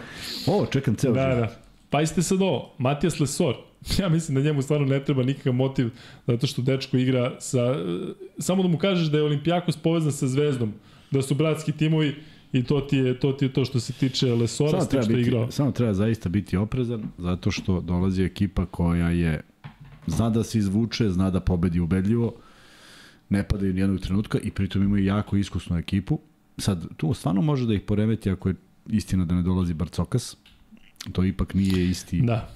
Isti odnos što može da bude nešto u korist Partizana, a i ne mora ali svakako se spremiti kao da je tu, spremiti se kao da je sve normalno i spremiti se na svako eventualno iznenađenje. Neće taj trener sad praviti nešto što je van dogovora o, i vidjet ćemo kako će igrači reagovati i tu može da bude različitih problema ako, ako nešto krene izbrdo. Ali sve opet zavisi od Partizana i mislim da ako pokažu tu, tu čvrstinu i ovaj, odlučnost da pobede i da igraju pre svega pametno, eto, da, da, da predvodnik bude Panter sa svojim sa svojom rezonskom igrom, a ne sa svojim šutima i da Partizan da pet trojki sa 9 metara i kao to je dobro što je egal u prvom poluvremenu, ne to jer to dođe i prođe, ali, ali ovakva sigurna igra koju su prikazali protiv Efesa, to je nešto što bi trebalo da bude ideja vodilje. E, dolazimo do Uroša Trifunovića, koji protiv Olimpijakosa igra u prvom meču, zato što je bio i povređen i da je, da je zdrav, bio bi pozadnje reprezentacije. Pazi, ovo je, ovo je ekipa sa Ne, najviše pokuša- motiva ikada. Nikada. Pa i sad Danilo Andjušić. Igrao za reprezentaciju. Prošle godine, ko je pobedio Monako u četvrtfinalu tamo pred Durentom i onom glumicom i već šta se desilo. Zamisli sad da je on, ali sad bez zezanja, zamišljam kako igrači sad razmišljaju kod kuće kada sede na stranu, ovde neko sad piše kao Luka, sve to lepo, treba da se igra odbrano u stavu i da je to mnogo bitnije. Naravno da je bitnije, ali razmišljam pojedinačno kakav je mindset. Gde si Miksa? Miksa, ja mislio Miksa maša, Miksa da se isteže. Ovaj, I dolazimo do Jama Madara, nisam siguran. Nisam da, siguran. on nema najveći motiv. Ali, ali, Ako neko ima motiv. Mislim da je za njega Olimpijakos bio za, zainteresovan na drugoj godini, e, pošto on proveo tri sezone u Hapolu iz Telajeva. Mislim da sam negde sada, stvarno, možda, možda sam istripovao, ali mislim da je Olimpijakos pokazao interesovanje za Madara e, kada je još bio tinejdžer. Tako da, eto, bilo bi lepo da jeste da se sve ovo uklopi u jednu priču. Ali sada šalno stranu, što se tiče Olimpijakosa, zaista jedna preozbiljna ekipa koja igra toliko dobro na svim pozicijama. Kuzma, kada tako, eventualno, ajde da kažemo da neće dolaziti Barcokas, pominjao si sada to, ali je to um, Možda se poredi recimo sa onom situacijom kada dođe do promene trenera, kada je otpušten trener pa dođe neko novi pa hoćeš jednostavno da se dokažeš on donese neku hemiju ne, ekipu. Neće raditi, neće van toga isto. I, i, dakle, kao da je Barcokas tu samo fizički nije to. Barcokas je tu i možda, ja ne znam kako oni funkcionišu, ali ako je plan B ovaj, ako je plan C onaj i ter. I m, ko zna, možda će neko biti na vezi s njim ne verujem baš trener, ali možda neko... A znamo šta je konkretno s njim? Ja sam samo ne, kažu da je bolest. Pa isto kao Ataman, kao bolest na Ataman, pa, bolest na Ataman. Pa to je nevjerojatno, bojice sad krenuli sa istom Atamana, ako je negde bilo očekivano. Da, da nije nešto ozbiljno, govorimo nešto ne, ne, trenutno. Samo se nam da nije, da. a mi smo da. se zabrinuli, ja stvarno mi krivo kad čujem da je čovjek u, sa upalom pluća u bolnici, on došao da vodi utakmicu. Mislim, malo... Nije fair od njega, ja se zabrinuo, znaš, tako da ću mu javiti da ovaj sledeći put ne radi to. E, Olimpijakos je u, u ludačkoj formi, dakle ono što oni igraju sada su zgazili Lavrio e, nešto 30, 30 razlike, stotka neka je pukla u, u domaćem prvenstvu. A ako se ne varam, a Olimpijakos ima recimo 19 pobeda iz posljednjih 20 mečeva. Ako ne i više, jedini poraz su doživjeli od Armanija i tu ih Armani počistio 20 razlike, ali eto vi možete možda i da negde nađete podatak, ja mislim da 20 utakmica sigurno posljednjih koje je odigrao Olimpijakos na tri fronta, dakle domaće prvenstvo Euroliga i Kup, koji su osvojili, da su izgubili samo taj jedan jedini meč protiv Armanija. Da vam kažem iskreno vreme da se izgubi ponovno. Krajnje vreme. Krajnje vreme, tako da Olimpijakos je dobio uh, derbi protiv Panatrikusa u domaće prvenstvo takođe u egal završnici, što naravno znate koliko koliko ima težinu u, mada u posljednje vreme Panathinaikos Olimpijakos to više nije derbi Olimpijakos toliko dominantno posljednje nekoliko godina da, ništa, da ničemu, to ni samo privid, na papir. ni privid. Ali, evo, što se tiče, dakle, uh, Olimpijakosa i što se tiče njihovog rostera, prolazili smo kroz to i uh, nekoliko puti kad su igli kroz zvezde, eto, samo da pomenemo da je Vezenko vjerojatno tamo naj, najopasniji igrač, tako uzma. Dakle, ipak akcenat, uh, koliko god bili dobri kao tim, Vezenkov, Slukas, to je nešto što ti prvo pade na pamet. e, kada pomisliš na Olimpijakos. Pa slažem se, da. Međutim, tu uvek neko može da izleti u svemu tome i neko ko, ko je evo, po, poučen ovim dana što smo videli, taj Vokap može da napravi najveću nervozu među, među igračima Partizana. On je dosadan u odbrani i jako teško igrati protiv njega, ne odustaje. Slukas to, tu koristi iskustvo Papa Nikolau koji kad se pod, podredi tome ozbiljan je problem da bilo ko igra protiv njega jer naročito on kad vidi negde sad ovog Papa Petro pa to će biti rivalitet kod da su njih dvojica u domaćem prvenstvu. Tako da ima i sa ove strane puno motiva i žele da ostanu nepobeđeni, to je sigurno iz prostog razloga što je Partizan sa ovom ekipom koja ima, koju ima i sa, sa trenerom kojeg ima um, veliki izazov. Sad ja ne znam je Papa Nikolao igrao te posljednje godine za Olimpijakos kada je bio a, Boradović. Kada je Papa Nikolao pre nego što otišao u NBA ligu? Da li igrao za Olimpijakos kada je Obradović bio u Panatrikusu? Da, postoji pa ja on da je tu. kao jedini od rivaliteta da je ostalo da je on iz te generacije. Pa da, da, da, sigurno. Trebalo bi da jeste. Pa jeste, pa nema niko drugi, to hoću tamo, da. kažem. Pa da, nema niko drugi. Pa dobro, ne, da, nema, Slukas, nema niko. ništa. Slukas ništa. Da. Nema, nema ko drugi. Pa da. Tako da, eto, i ta je ta neka dimenzija, a s druge strane, Olimpijakos uvek posmatra Obradovića kao konkurentnog trenera iz Panaterikosa i to je i to je verovatno nepromenjivo. Tako da, Biće, biće interesantno u svakom slučaju i ono što je vrlo bitno da atmosfera ne utiče na igrače jer nema razloga, nije ovo utakmica koja je biti ili ne biti, nije ništa nepopravljivo, velika stvar bi bila da Partizan pobedi, a ako ne pobedi, onda, onda ima šansu za popravni. Naročito što su ipak svi rezultati danas sasvim dobro otvorili i, i, i da, da je drugačije, da ide, da ide tri pobede na konto je ekipa koje su sad na pobedu iza, onda je problem. Ovako još uvek nije, i da vidimo kako će Partizan odigrati, da li može da ponovi nešto slično, jer mislim da im je potrebna onakva utakmica kao protiv uh, Efesa. I sad pogledaj, znaš, kako ti, kako ti devalira tu utakmicu, ti kao, raspao si se, pobediš Efes, a onda ga pobedi Alba. I onda tebi neprijatno glupo da se nekom objašnjavaš da je to bila... Da, da, da, si ti. A to bila ali fenomenalna. možda se razmišlja e, tako da si ga ti gurno u pa, kanal. Ne, naravno, ali, no. to, ispa, ali to je zaista bila fenomenalna utakmica u Jest. svakom smislu. Tako da ne treba razmišljati tako i gledati jednostavno Moguće da se i sutra desi nešto slično, bez obzira što je Olimpijakos u dobroj formi, ali sve je moguće. Jedna utakmica zna da se otvori na, ne, na, nekom, na neki nenormalan način i da sve krene naopako. Što da ne, što da ne bude sutra. Ja očekujem iskreno da uh, Partizan sutra možda, možda um, onako napadne reket malo jače. Kada sam govorio o motivu Lesora, uh, znate da je Mustafa Fal bio u 12 na evropskom prvenstvu i da je osvojio bronzu sa francuskom, Lesor nije, naravno u toj konkurenciji e, Gober, pa Fal je dobio prednost, e, mislim da igrao i GIT, tako da možda je to poseban moment i e, razlog više da odigra dobro Matijas Lesor. A Isaiah Cannon je fenomenalan, fenomenalan šuter, dakle reč je o igraču koji može da veže četiri trojke za četiri napada i da, da prelomi utakmicu. Papa Nikolau, kada sam rekao Vezenkov i Slukas i Papa Nikolau je ta trojka koja meni pada prvo na pamet kada pomislim na Olimpijakos. Mustafa Fal a, može da bude opasan, naravno, jedan na tipičan centar koji onako... Um, ja bih se sad složio sa Kuzmom da bi ga slao non stop na liniju penala. Dakle, on u prepunoj areni, ako da šest bacanja od deset, da, da, da ide da peva, Tako da je to jedna od opcija. I to da zaštitiš uh, svog centra. Dakle, Tako kad je, je nešto, ti se zaletiš, okineš o, i... O, da, kad, svi ovi mali čao, prilaze tako, i, i, i udare po, po falu. Tako da bih ja sutra fala poslao na, na liniju penala da ih ima onoliko koliko je Lesor imao protiv Zvezde. Eto, to prilike. Vezenkov, Kuzma, stalno pričamo ko, ko čuva Vezenkova, da li se smenjivati, ko je primani čuvar Vezenkova? Moraće i Smajlagić, moraće Ledej. Moraće možda i Papa Nikolau. Jel prenizak Papa, Papa, Papa, Papa Petru? Petru? Nije prenizak. Nije prenizak ako, ako je blizu. Ako je blizu, on bi trebalo, ako je niži, da je brži. Po nekoj logici da. stvari. I Vezenkov stvarno nije neko ko je nenormalna eksplozija. Samo što čita igru i pročitati da li si dovoljno daleko kad šutira trojku. Tako da, e, izuzetno, izuzetno koristan u, u, sa jako malim brojem driblinga.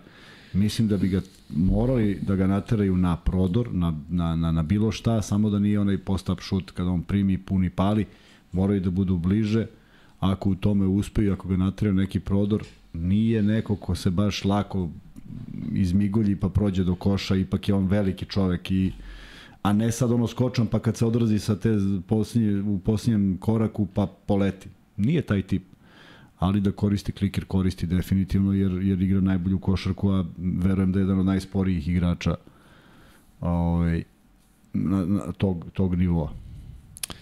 Um, Vokap je jako opasan, dakle ne radi ništa onako kad kažeš Amerikanac došao, dakle ja poredim njega i Voltersa, dakle onako playmakeri koji znaju šta rade za svoju ekipu i eto, bojice su igli u Žalgirisu, ali E, malo je tih Amerikanaca koji ne veruje statistiku, koji apsolutno, ja mislim da ni ne gleda onaj papir posle.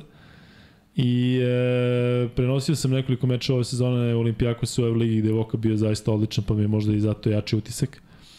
E, bolom boja ako uđe i menja fala, to je isto, dakle recept vrlo jednostavno, udri ga po ruci, dakle momak koji ima odličan odraz iz mesta koji hvata neke ali upove drugačiji, potpuno tip petice u odnosu na fala ali sa ograničenim šutem prilično, iako mi se čini da je napredovao u odnosu na onaj period kada se kada se pojavio uh, Larenzakis, momak koji defanzivno i ofanzivno trojkama sa onom čudnom tehnikom šuta sa klupe zna da unese neverovatno ovaj, dobre stvari za Olimpijakos. Mekisik takođe, samo ga, samo ga udri, ne daj mu da, da priđi košu. Uh, on iz prodora i zna da, da atraktivno zakuca, da onako smiri dvoranu, da, da spusti atmosferu. Papas, e, ne vjerujem da će imati veliku minutažu, Peters, vrlo nezgodan šuter, dakle Peters kada namesti ruku opasan jako i dolazimo do kapitena Kostasa Slukasa e, koji je za mene jedan od najpouzdanijih igrača u Euroligi u posljednjih nekoliko godina. Ja da sam trener i da mi date dakle blanko sve e, i da napravim 12 igrača koje god hoću, mislim da bi Slukas bio u, u, u tih 12. E, Kuzma, Slukas, e, pričao si o toj vezi sa Obradovićem, dakle, pet godine igrao za, za Željka u, u, u Feneru, ali te ne bih sada pitao odnos, u odnosu to što si već pomenuo, hoće protiv Željka da se dokaže ili šta već, ali Željko ga jako dobro poznaje. Tako je, i reći šta da radi, šta da ne radi. I to treba da se poštuje. U, ne samo u vezi s Lukasom, nego sve što kaže bilo koji trener, to mora da se poštuje i danas smo konkretno, evo sad mala digresija, ali kad vidim da je neko možda i sam procenio, a želim da verujem da je to do trenera, usmeri Gedreitisa na levu stranu, onda mi već dovoljno dobar pokazatelj da razmišljaju o nečemu gde je čovek tanji. Tako i Slukas, kao i svi igrači, imaju, ima svoje dobre i svoje loše strane. I Slukas ne diže trojke iz oba driblinga podjednako, kao što ne radi to ni jedan igrač, e, možda rade oni igrači koji imaju fizičke sposobnosti da mogu da odskoče pa da naprave step back pa da se dignu kao da je i leva i desna strana isto, to je mali broj igrača. Tako da on zna sve o Slukasu kad prodire, kad šutira, Slukas to neće moći da promeni, niti, niti se to radi pred utakmicu, pa će se on sad iznenadi Željka što će da radi sve kontra, to, ne, to nema neki naruč smisao.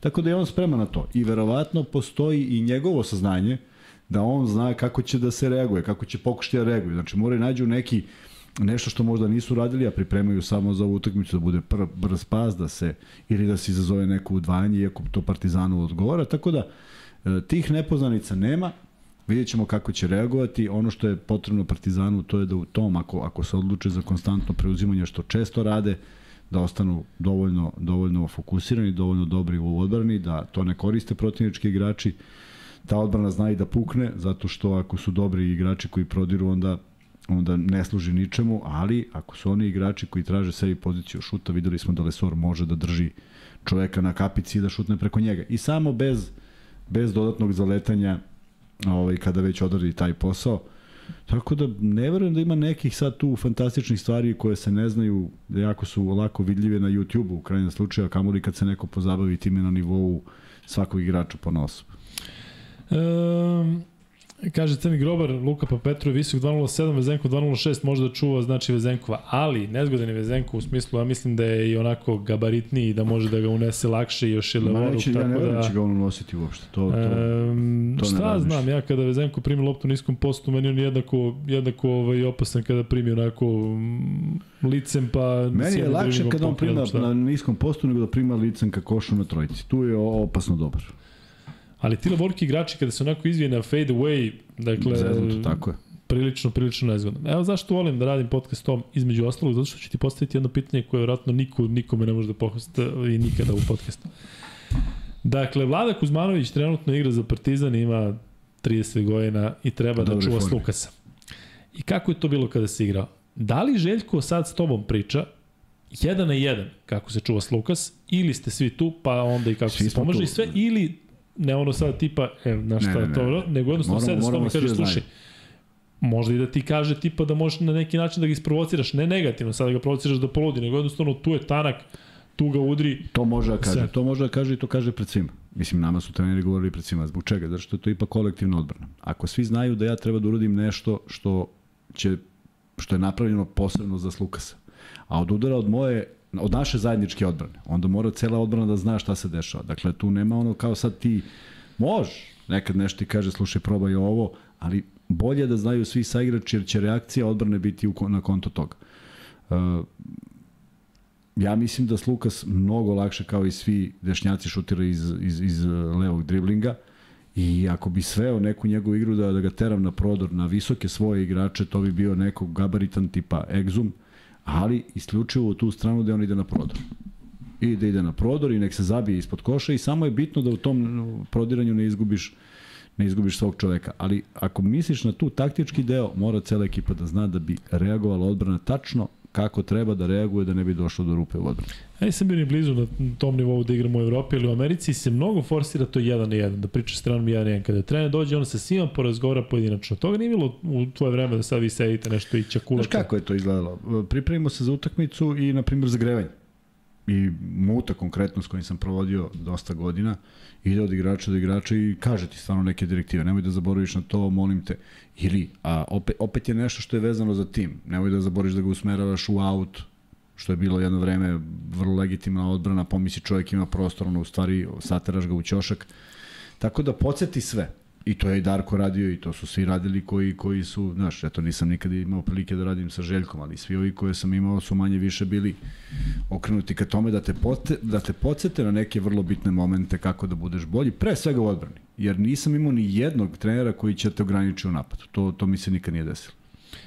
Crni Grober kaže Sluka se izjavio da je Željko njegov košarkaški otac, inače Grober slažem se sa onim što se napisao malo ranije, kada si možda malo ovaj, bio i vulgaran ili neka, razumem te potpuno i slažem se sa tobom, ti znaš o čemu ovaj, pričam, verovatno su svi ostali zaboravili. E, Vuk Grbić pita Luka koliko zavisi Partizanov ishod na izvesnom učešću u top 8 od broja igrača koji ostaje sledeće sezone. Ja sam, bar tako ja razmišljam, sigurno da to nema nikakve veze. Da je Partizan izgradio timu jednu neverovatnu hemiju gde uopšte nije nema tih momenta, aha, šta, pa ja, pa ovo, pa ko će ovo, a ko njega zadrže, šta god je za sledeću sezonu, mislim da je potpuno fokus baš ono što trener vole na narodnoj utakmici, na ono što se trenutno dešava, kažem, izgrađena atmosfera koja je za svaku pohvalu, malo, malo pa možete da vidite kako su to neke, neka zezanja, neki rođendani, dakle, ono što je Madar uradio u, protiv Zvezde, pa ono njegovo kako, kako mu prilazi jedan po jedan dok ide na klupu, da ga ljubi, da ga grli, da, da, da mu čestite, kažem, zaista jako, jako dobar, dobar znak. Siniša kaže, Zenko liči na Luku. Vićeš kad Luka dođe u formu, pa ćete me porediti sa Ivanom Dragom, ne sa Vezenkovim. Um, I e, što se tiče Olimpijakosa, Kuzma, to što je ta fantastična serija od 20. pobjeda sa samo jednim porazom, je to onako koja razmišljam po dobro vreme da se to prekine ili... Ima više razmišljanja, zavisi ko da. razmišlja. Ovo, ovaj, da, bilo bi zgodno da se prekine, to je jedno veliko samopouzdanje koje oni dobiju. E, imao sam prilike da iskusim kako izgleda to kad pobeđuješ, pa prosto izlaziš i shvatiš da, da si zaborio kad si izgubio, pa ti onda sve potpuno normalno da, da, da nastaviš u tom ritmu, tako da jako teško je skinuti nekoga sa nekoga taj oreol, oreol nepobedivosti, ne zašto se taj ubedio, nego zašto se napravi dobra hemija i svi veruju jedni drugima i stvarno ti neki igrači za koje nisam ovaj mislio Vokap i McKissick, koji nisu obećavali na svojim početnim sezonama, u svojim početnim sezonama deluju kao ozbiljni šrafovi te ekipe, A opet tu imaš jednog čoveka koji, koliko god on postizao, ne postizao poene, nekako je uvijek bitan, to je taj Papa Nikolau, koji, I, znaš, toliko mi je, toliko mi je godina u, u, Euroligi da mi je kao da ima 50 godina. Jeste, da. A u stvari čovek koji će odraditi samo onaj prljav posao i sve što treba, jer je tu osjeća pripadnost najviše, verovatno, od svih drugih, tako da jedna kompaktna ekipa koja ima, boga mi, ne samo desetak, 12 dobrih igrača, nego mi deluje da su svi u prilično dobroj formi. E, kada se McKissick pojavio u Evropi, on je igrao e, prvo za negde u Italiji, pa je igrao za Ušak, mislim da smo ga tada prenosili, ali sam ga prenosio u VTB ligi kada je igrao za Autodor. I sećam se da sam bio ubeđen kako ovaj nema šansa da igra Euroligu. Da. I evo ga čovjek, bitan faktor u bitnom timu, što ti kažeš za Vokapa i za njega, ali jednostavno, pazi, Amerikanci, ali su se dobro uklopili, znaju gde im je mesto, ne iskaču mnogo, koriste ono što što najbolje Znam, rade. Ali čak i prošle godine ima onaj, onaj moment kad ide strahovito brzo na, na ulaz, pa prebaci, jest, jest, u toj brzini prebaci, da ceo, da. prebaci ceo koš na polaganju. I bilo mi interesantno tu kao Šekil. Ko je Burazer u ovaj Šekil? Šekil Mekison. Šekil Mekisik. Ali ovaj, um, nema šta. Um, treba paziti, ja se sećam prošle godine, kada je igrao sa Olimpijakosom protiv Zvezde, dakle kad krene na slobodnim bacima frka, dakle kada zviži cela dvorana, ma dečko nije ni blizu da pogodi. Pogađa drugi obruč, a lopta se toliko odbija visoko da ono sudi su fazonu daj vrate da, da, da, da, da ovo sleti. Luka Vezenkov nije najstrelac, Vokal, vo, ne, Vezenkov najstrelac, Vokap najkladljivac, Lukas drugi asistent, Vokap četvrti, Vezenkov prvi skakač, dakle ozbiljna ekipa sutra niko ne spori, dakle, um, mislim da je ovo pravo vreme da, da se dočeka Olimpijakos. Dakle, ja da moram da biram Barca, Real Olimpijakos sada prvi da budu u ovoj seriji domaćinstva Partizana, neko Olimpijakos, pa da se napravi zaista baza, da ove ostale utakmice nisu biti ili ne biti. Uh, ali srećem eto i neke druge utakmice se, su se potrefile tako da mislim da jel ima pritiska um, Kuzma na Partizanu u smislu sada ima ima ima ima ali da ne upravo mora da ima zato što se očekuje posle onakve utakmice još jedna dobra utakmica i kažem dolazi opet iza iza Željka izazov Olimpijakos je neki večni neprijatelj u smislu sportski ovaj, i svi igrači žele da protiv jedne od najboljih ekipa, to ti je test. Jer vrlo lako može da se desi da ako Partizan pobedi sutra, da se ukrsti sa baš Olimpijakosom. Da. Da jedna od opcija bude i ta. Tako da i to je neka poruka koju pošalješ, zato što ovaj, svaka ta pobeda se računa. I evo, malo pre sam rekao, Baskoni je dva puta pobedila Real. Ja mislim da Real već ima u glavi, samo da ne dobijemo Baskoniju ako uđu u play-off. Sa svima ćemo lakše. Koliko god bilo realno ili nerealno. Da, ja sam pričao u ponedljak o tome, pa ko nije gledao, ovaj, eto i sada da pomenem da je prethodni meč koji su odigrali Olimpijakos i Partizan, a ne računam ovaj od ove sezone, dakle taj koji nije ni za kakvo merilo, dakle bio onaj na Final Fouru, kada je Partizan izgubio na način na koji je izgubio i kada je bio toliko blizu finala 2010. A ovaj, e, to nema, ne može da bude motiv ni kod jednog igrača, to može da bude motiv samo kod navijača, tako, i zbog zvezde, Ma da, tako, da, zvezda, ali kažem da, ti kada razmišljaš koliko si bio blizu finala i šta je moglo da se desi te 2010. i onako da se izgubi, ovaj, e, ali eto, možda za, za razmišljanje da i to može da bude razlog više da se sutra pobedi Olimpijakos. E, stižemo do drugog free beta, e, pitao sam vas gde je rođen Nikola Tepić u prvom, Topić u prvom, Nikola Tepić, Ovaj, e, a drugi free bet je gde je rođen Tristan Vukčević? Da vidimo da li može da se stigne da se googla, ali mislim da ne može. Znaš ti gde je rođen? Ne. Sad ću da te pitam za da li si igrao protiv kluba. Iz grada gde je rođen. E, Mikser, možda pogledaš samo na porukama, imaš ovaj, od ovog momka za Jocu. Pa u ovome što imamo sve, da smo svi zajedno u grupi pa da objaviš ovo zašto skupljamo novac. Jer dva put smo spomenuli, ali nismo izbacili. I Srki je odgovorio i kaže Siena, Italija, jeste. I Srki dobija drugi free bet. Uh, dakle, šalješ na lukekuzme.gmail.com maxbet2id i bit će ti uplaćeno 1000 dinara. Uh, Kuzme, si igrao protiv Montepaski, protiv Sijene? Nisam, ja sam protiv Sijene, ne protiv Montepaski. To je to. Je. Pa ne protiv kad se zvao, kad se zvala ovaj... A su imali tada ono, lude igrači kao obično su bili najbolji trenerski tim ali u tom periodu kada Virtus i Fortitudo nisu postali. Ali nevjerojatno kako se to izmeni. Pazi, Benetton i, i Montepaski takve sile i evo gde su sad. Da. Um, ništa, ono što ćemo još da kažemo, šta kažeš Miks? Da idemo.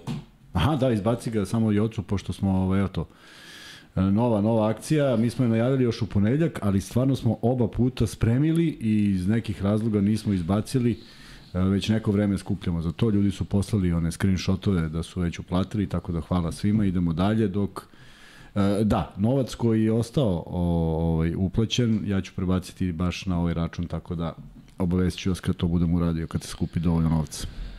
Mečevi koji se igraju još sutra, Fenerbahče Žalgiris, pitao je ovde e, neko da li bolje da dobije Fenerbahče ili Žalgiris, da se juri Fenerbahče na četvrtoj poziciji ili Žalgiris da se, da se onako malo... Bolje da dobije Žalgiris. Te je bolje. Zašto je Partizan bolje od Žalgirisa za celu pobedu? Da, ali ako Žalgiris izgubi, Partizan je miran, ne mora da, da, da još jedan Dobro, tim Dobro, ali, ali je Fener u problemu. Da, Monako Valencija, najve se za Monako, Virtus Real, to prenosim ja u 19 časova, pa onda idem da gledam drugo, drugo polovreme Partizana. Tu se navija za Real, Zvezda onda još ima šanse. Tako je. e, Partizan Olimpijakos u 20 časova, još jednom da napomenemo, i Armani Bayern 21 čas. Ja moram priznati da se više bojim Armani ako ima slabiji skoro nekih ekipa koji jure top 8 zato što su u fantastičnoj formi. Tako da ovaj vidjet ćemo. Biće u svakom slučaju. A mi radimo od 0-0-30 ukoliko Partizan dobije. Smo tako pričali. Pa tako smo pričali, ali ovaj postoji mogućnost da bude i ranije, sigurno. tako? Eto, kaže Miksa sigurno ranije, tako da Ajde, onda ćemo, onda ćemo da, da, da ubedimo Kuzmu da radimo i kompetizan izbog. Pa ćemo ja da radim, radit ćemo tom. Blagovremeno Da, javiti. ali e, Miksa, koje, koje je realno, realno vreme koje može da se 12 20. 12. 11? 11, Kuzma. Pa, potpuno sve jedno. Sjajno. Ma, 23 časa. Ako Partizan pobedi, radimo. Um, U suštini to je to uh, što se tiče ovog podcasta. Um, imamo malo NBA-a, ali Mikse ne znam, ti tu nisu... Imamo NBA, nisu imamo NBA, imamo ja NBA. Ajde. Dakle, danas se desilo nešto jako čudno. Ono, napad, odbrana, da, da, da, da, pulse. Da, da. Izašao je Cuban i objasnio se. Izašao je Cuban i objasnio je sledeće. Kaže ovako, nije u redu da se promeni posed, a da se ne obaveste igrači Što se potpuno slažem. Dakle, sudija nije rekao da lopta nije za Dallas, nego za Warriors se nije rekao igračima Dallas. Je li tako? Ali zašto oni stoje na, na pogrešnoj strani terena? I svih petorica primaju koš sa 5 na 0 jer svih petorica čekaju i ne pitaju se zašto baš nema ni jedan ovaj iz Warriorsa da dođe.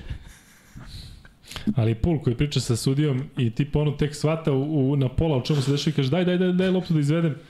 I eto na kraju ta dva poena prelomiše meč. Bizarne stvari se dešavaju u NBA Ali ligi, ali čekaj, biće interesantno. kako nisu znali gde napadaju? Ja mislim Nema da je to, to, ono, to nema nikakve veze s odlukom. psihologija uh, mase. Dakle, jedan je verovatno tu nešto stao, pa su onda svi, razumeš, se rasporedili. Ali petorica. Znaš, pa... I gledaj sad, zamisli, aj, ajde da zamislimo da oni sad stoju u odbrani.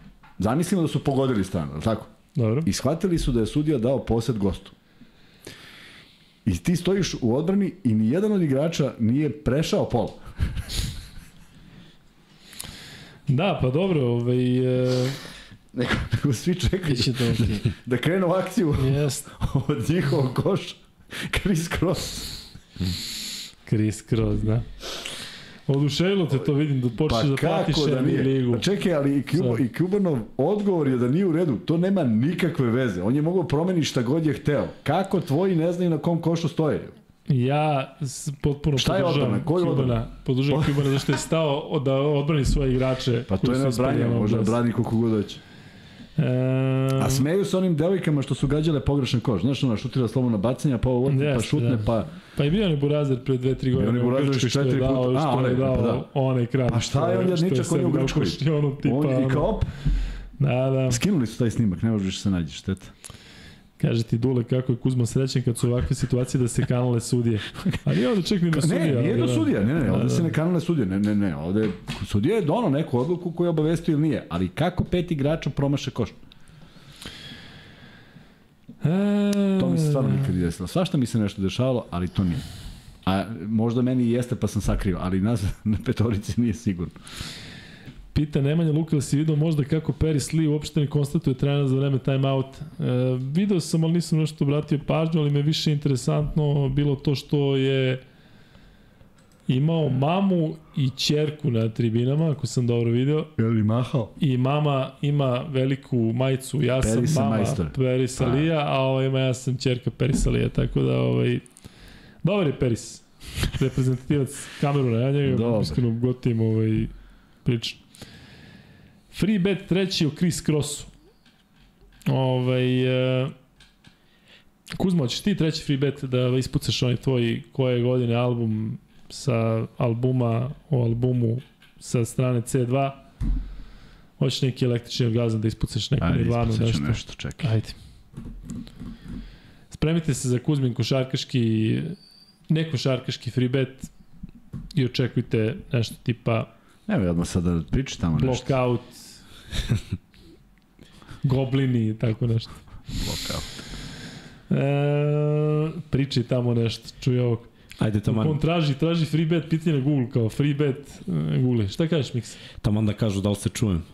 E, kažite nam da li se Miksa čuje, pošto ga ja u slušalicama ne čujem, ali to možda bude dobar znak. Tako da, e, sada čekamo da vidimo da li se Miksa čuje. Miksa, imaš nešto da kažeš o NBA ligi, značajno priznaj, razmišljao si. Denver prekinuo seriju, crnu seriju. E, Je te raduje to? pa ne, kažem ti, nisam ja bio toliko zabrinut, iskreno da ti kažem, tako da... mm, Mislim da je ovo, kaže da se čuješ. Tako To da cepe mikse. E, nisam bio toliko zabrinut zato što, iskreno, mnogo mi je bitnije da e, Jokić završi sezonu onako sa nekim e, sa nekom porukom i ono što je mene zabrinulo, što verovatno on ne razmišlja o tome, ali to je što je sada pao na 9,9 asistencija. Dakle, bilo bi za iz, istorijski dobro da on završi ovu sezonu sa triple-double učinkom u proseku, zato što to daje jednu posebnu dimenziju. Centar, prva ekipa na zapadu, kažem, verovatno njemu ne znači, ali eto, ja se nadam da će da, da malo mu ga da po asistencijama u, u ovih prostalih desetak utakmica, devet tačnije. E, Miksa, ti, jel brineš za Denver? Kako tebi deluje on?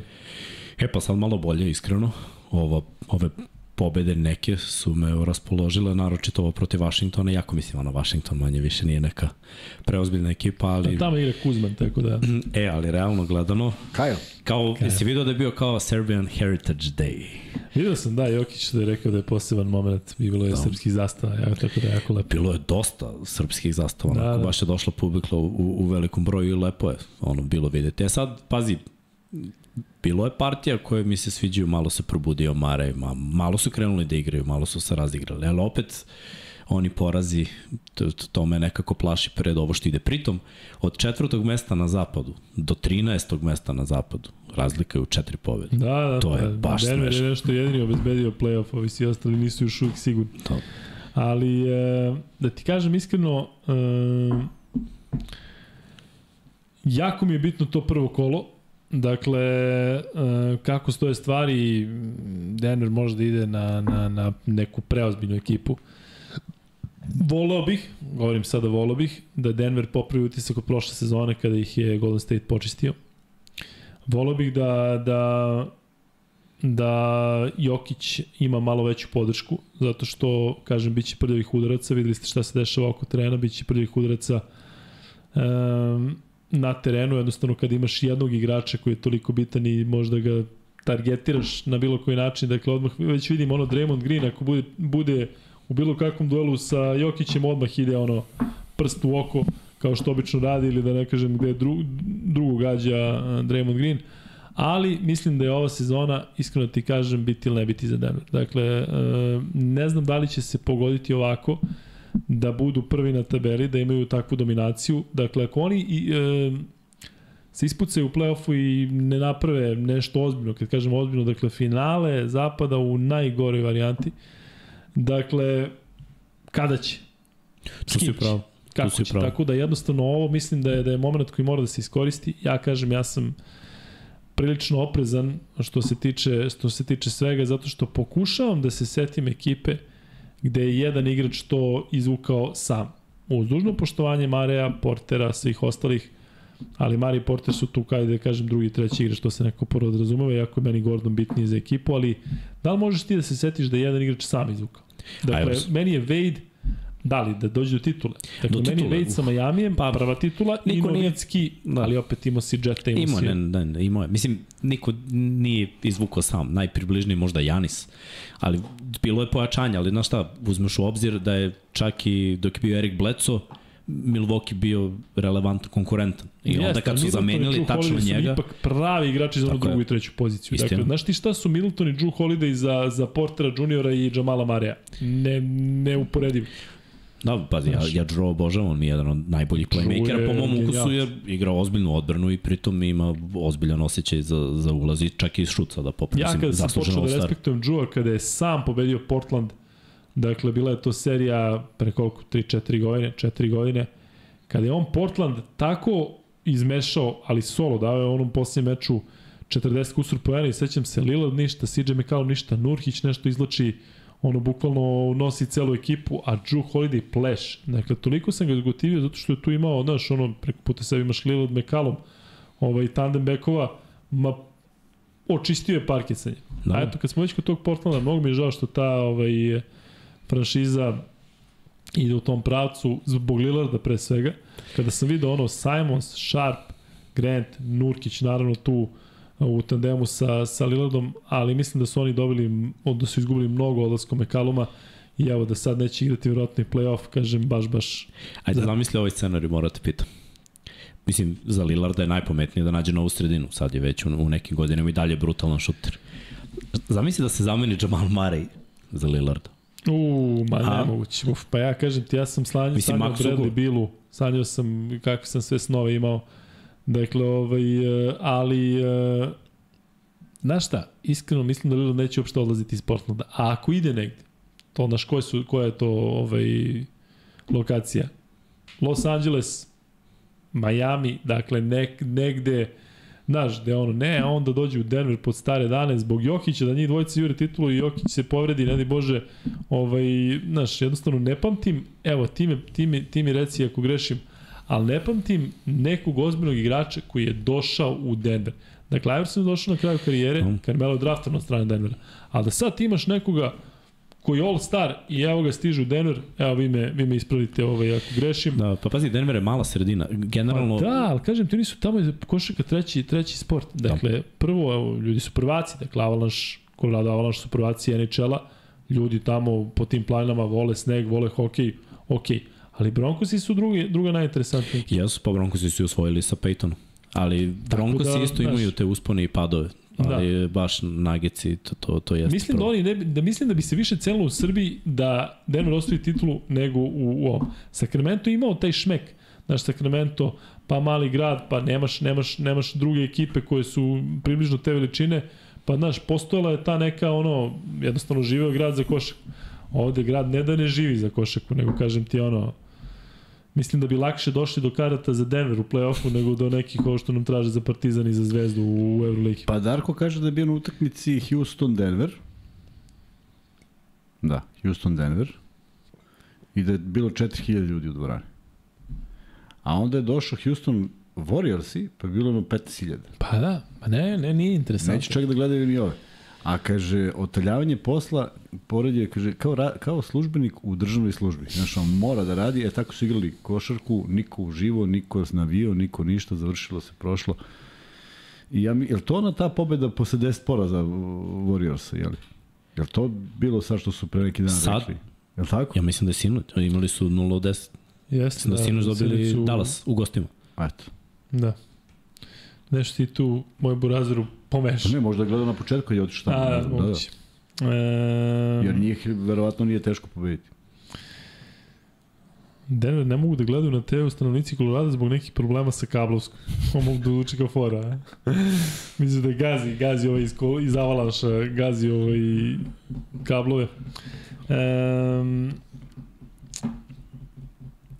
da li si zabrinut Miksa što se tiče MVP trke u smislu da onako prilično se pakuje da Embiid bude MVP? Ja mislim da će da se spakuje na kraju da bude Embiid, ali znaš šta, Jokeri to je ovako, nije toliko važno, ali u Americi su uvek gađa neko novi, u svakom sportu. To je ono što pričali smo prošle nedelje o tome. I ovaj, baš su iskoristili ovu jednu malu lošu seriju da okrenu u korist Embida, koji, mislim, u prethodnom mesecu ruku na srce sa 36 poena u proseku. Ma Znaš, nema šta, nekako mu je i, i kralj, i showman i sve, i Fila igra Tako je. dobro, ništa nije sporno, ali da Jokić, a prvi ubedljivo na takvom zapadu Denver, i on u proseku ima triple-double, i da ti daš nekom drugom, pa sve da je taj sišo, e, razumeš, sa druge planete, kažem ti jednostavno, jednostavno mi ne ide, ali Kapiram te, E, samo šta- pazi kod njih koja je logika. Okrenem sport ovaj. Brady je svake godine bio jedan od najboljih igrača, statistike nerealne, sve rekorde moguće. Uvek neko nov dobije. On dobije dva, tri puta, pa aj neko nov. Aj neko nov, aj neko nov. I mislim da je, da je ono, Jokić dobio dva puta i neko je rekao, e, ajde, ajde neko nov. Pritom Fila je trenutno u ozbiljnom zaletu kao sport, kao grad jer Eaglesi su sad bili u Superbowlu i napravili su neku generaciju uh, 76ers idu na tekme Eaglesa, ovi idu ovamo i kao da hoće da gurnu tu filu koja Prave sad u neku- nekoj seriji, neku prave ono neku podlogu. tako neki hype, neš, nešto se pravi da, da Filadelfija postane opet centar, nekako Milwaukee i Boston su zauzeli prva dva mesta na istoku a Filu smo zaboravili, jer Fila nikako da, da dođe do finala konferencije. I stalno je nešto malo, pa ono kad smo ti ja radili, Kavaj ih je srušio kad i, je Embiid, Embiid pra- plakao, da. Znaš, uvek ima nešto što malo fali Filadelfiji. E sada, ja mislim da će Embiid da im da MVP-a. Čisto ono kao, evo vam nešto, pa ajde vidimo Ali misliš da je to pritisak, recimo, ajde iz ugla Jokić, ali mislim da mu je to pritisak treći MVP, moram da uradim nešto, dakle više nije, nije zvezdi, ili tipa sad više nije ono spotlight na meni, neka, da i da radim ja u play-offu što treba, a oni nek se tamo s Embiidom zvezdi. Pa ja iskreno mislim da je okro uopšte ne razmišlja o tome, niti da ga zanima. Sad, nego samo da, igra, da nemoguće proigrava igrače I on da i ne, da ne razmišlja, postavljamo non stop pitanja. Dakle, sad i on da je negde razmišlja o trkama, o Joker, KK Joker, dakle, ipak sve vreme to visi u vazduhu. Dakle, negde ti neko to nameće, zato što je to jednostavno u Americi veliko. Tako da, znaš, mislim da ga sve vreme oni vraćaju. Ali evo, kada, ajde da idemo šire, šira slika. Jel ti delo on mentalno jak, mentalno stabilan da ovo iznese sam do kraja? Najstabilniji. Meni on deluje tako ono, ladan. Ladan i lagan. Mene ponekad plaši da je možda nezainteresovan, da je na granici ono tipa, ma, nema šta, ono, znaš, dakle, i dalje me plaši to što on u karijeri nije osvojio jedan trofej, što njegov prvi trofej u karijeri, timski, treba da bude NBA, NBA prst. Dakle, jednostavno, ništa niko ne spori. Dakle, bio u Megi, direktno došao u NBA, u sredinu koja je u tom trenutku bila šta je bila, sa reprezentacijom ništa nije osvojio, ni u mlađim kategorijama, ni u seniorskom timu. Dakle, On jednostavno, ne kažem da nema pobednički mentalitet, nego jednostavno ne zna kakav je to osjećaj, pa da kaže, e, brate, daj da ovo osetim opet. Gledao sam ovaj dokumentarac Redeem Team, Dakle, No, znaš, i ja tu kida. jednostavno... Hm? Kida. Ali vidiš, i tamo je, svi, svi ti momci mladi, šta je njima trebalo? Jeste. Šta su prošli? E, imam za vas jedno pitanje. Dakle, ko ima Netflix? I ko može da okrene Redeem Team? Na 40 minuta i 40 sekundi. Kobija Bryanta na čuva momak sa brojem 23 na dresu na treningu. Ja, mene sramote što ja ne znam ko je to. Dakle, ja obično te Amerikanci znam ih sve od srednje škole do sve. Ja ne znam ko je 23 koja čuva Kobija 40-38, ko to može da vidi i da pronađe. Oni su tada nešto sparingovali sa nekim college ekipama i sa nekim, ali ja ne znam ko je to. Kažem, evo, to bi se prvi put desilo na tom nivou. Dakle, čuva Kobija i, ovaj, i nemam pojma ko je. Um, ništa, Mikse, šta da ti kažem, hvala ti puno što si učestvovao još jednom uh, u, u ovoj meri. Sutra ćeš ti biti MC, pa ako radimo da se raspričamo malo više. Da, krenut će, krenut će Srki jer mi moramo nešto, čim, a možda i završimo to do početka. Zato što mi krećemo sutra od 19. To, Od 19? Da, da. I verujem Znači, da smo, smo do 23 22, provereni, ja? da, mi, ja verujem da smo 22 Carski. gotovi i da ćemo završiti to što imamo nakon toga do 11 do 23 i onda da mogu ja. Ali ako ne, tu je Srki veliki pa će onda zapali posle. Ja ću Srki veliki nisam njega vidio neko vreme, tako da je, da je, da je to super što će doći. Kuzma, daj da vidimo taj treći free bet, pa da ideš da spavaš. Ajde, idemo i ja dosta je to. bilo, jeste. Ovaj, treći free bet. A, pesma nastala 1990. godine. Napisao i izvodio Johnny Štulić. Obradio Rade Šerbeđija. Kako se zove pesma? Uje. Kuzmini, ovi s, e, free betovi su za razbuđivanje. Dakle, ovi sad što spava... I sada ovo- poslušate, i da svi poslušate pesmu. Da. I da otpevate i pošaljite na, na Insta. Na Vašu, Insta, vašu, vašu interpretaciju. Ehm, kaže Rakula, Luka, Lakersi ulaze u playoff i gazi Denver u prvom kolu. Daj Bož da, da, da ovaj, prođu play-in i da, da igraju protiv Denvera. Biće to 4-1 u najboljoj varijanti za Lakers. Da uzmu, da uzmu jedan, jednu pobedu. Melanholija. Ni. Men se duša od tebe ne raste. Jest. Men se duša od tebe ne raste. Milan Jovanović je to odgovorio. A pazi odgovor dalje. Palegari ne vjeruju sreći. To je album, da. Ko je kome? Ne daj Sines. Gracija. Sad ovdje već malo mislim da, da su ovaj otišli ono... Ne da je Sines i obradio Šerbeđi. Jeste. E, filigran, pa ali filigranski pločnici, razumiješ šta je? Album, Filigranski pločnici. album Azra iz 83. valjda. Eto ti, Rakula, sad si imao sramoti. Sad će Kuzma da prekine da radi podcast. Nothing else matters. Da, to, to zvuči dobro. E, dakle, treći free bet je dobio Lanmi Jovanović. Milanče šalješ na okikuzma.gmail.com e, svoj maxbet ID. I to je ljudi otprilike to, dakle, eto, dva i po sata smo sa vama, prošli smo Zvezdu, prošli smo Partizan, malo smo pričali o NBA-u, pričali o svemu i svačemu. Prošli smo i neke dešavanja iz ove nedelje. Ovaj, Jeste. I bit će ih još, sad, će se, sad se zahuktava i tu nešto i stvarno treba da obratimo pažnju na ta neka, neke stvari, iako ne pratimo, jer prosto nemamo vremena da pratimo sve to. Ali ovaj, bit, će, bit će interesantni završnica svih mogućih takmičenja i da vidimo kako će to zaista izgledati, zato što su se a, posle ovog kola, posle u stvari ovog polovine ovog kola, stvari zakomplikovale i sad nekima izgledaju komplikovanije, nekima manje komplikovano, ali bit će interesantno do samog kraja, jer Ataman je najavio čestitao onima koji će biti u play-offu, jer smatra da više nema šansa, on to kad kaže, to znači nema baš mnogo smisla i ne treba verovati, ali vrlo, vrlo blizu da, da posle još jednog poraza to se stvarno i desi, u svakom slučaju a, hvala svima koji su bili s nama u ponedjeljak za 150. podcast i danas, vidjet ćemo se možda sutra, ako se vidimo super, ako ne vidimo se u ponedjeljak. Kažu fun fact, kad smo kod muzike, danas je u PGP bila proslava 43 godine postojanja Zane. Ako je tačno. Sluša Zane. Pa Ko ti je omiljena ko nije. pesma od Zane? Ko ti je omiljena Pa ima pevačica i- Zane? Da, pa ima i dosta, znaš, mi smo, mi smo jabuke i vino su bile ozbiljno dobre. A šta miš, koja je meni omiljena Jabuke pevačica vino, Zane? jabuke i vino. Tebi je Vejte Snegovi. Otkud znam koja im je pesma? Ne, ne, koja je omiljena pevačica je četiri. A, od četiri? Da. Bile četiri? Pa poslednje. Ona najnepoznatija. Ona Pa zato i ne znam ko je. E, ta. Ovaj, ali bilo je dosta hitova. Ona bila, ja mislim, i najkraći. I sada nek se javlja, ži, zave Žika i kompanija i nek nam pošlje na Instagram ako smo nešto pogrešili. Ništa, ljudi, um, to je to što se tiče 151. podcasta, dakle pratite nas na društvenim mrežama da vidimo da li ćemo i kako ćemo raditi sutra, pratite i Partizan pa ćemo vidjeti ako se radi, radi se o 23 časa.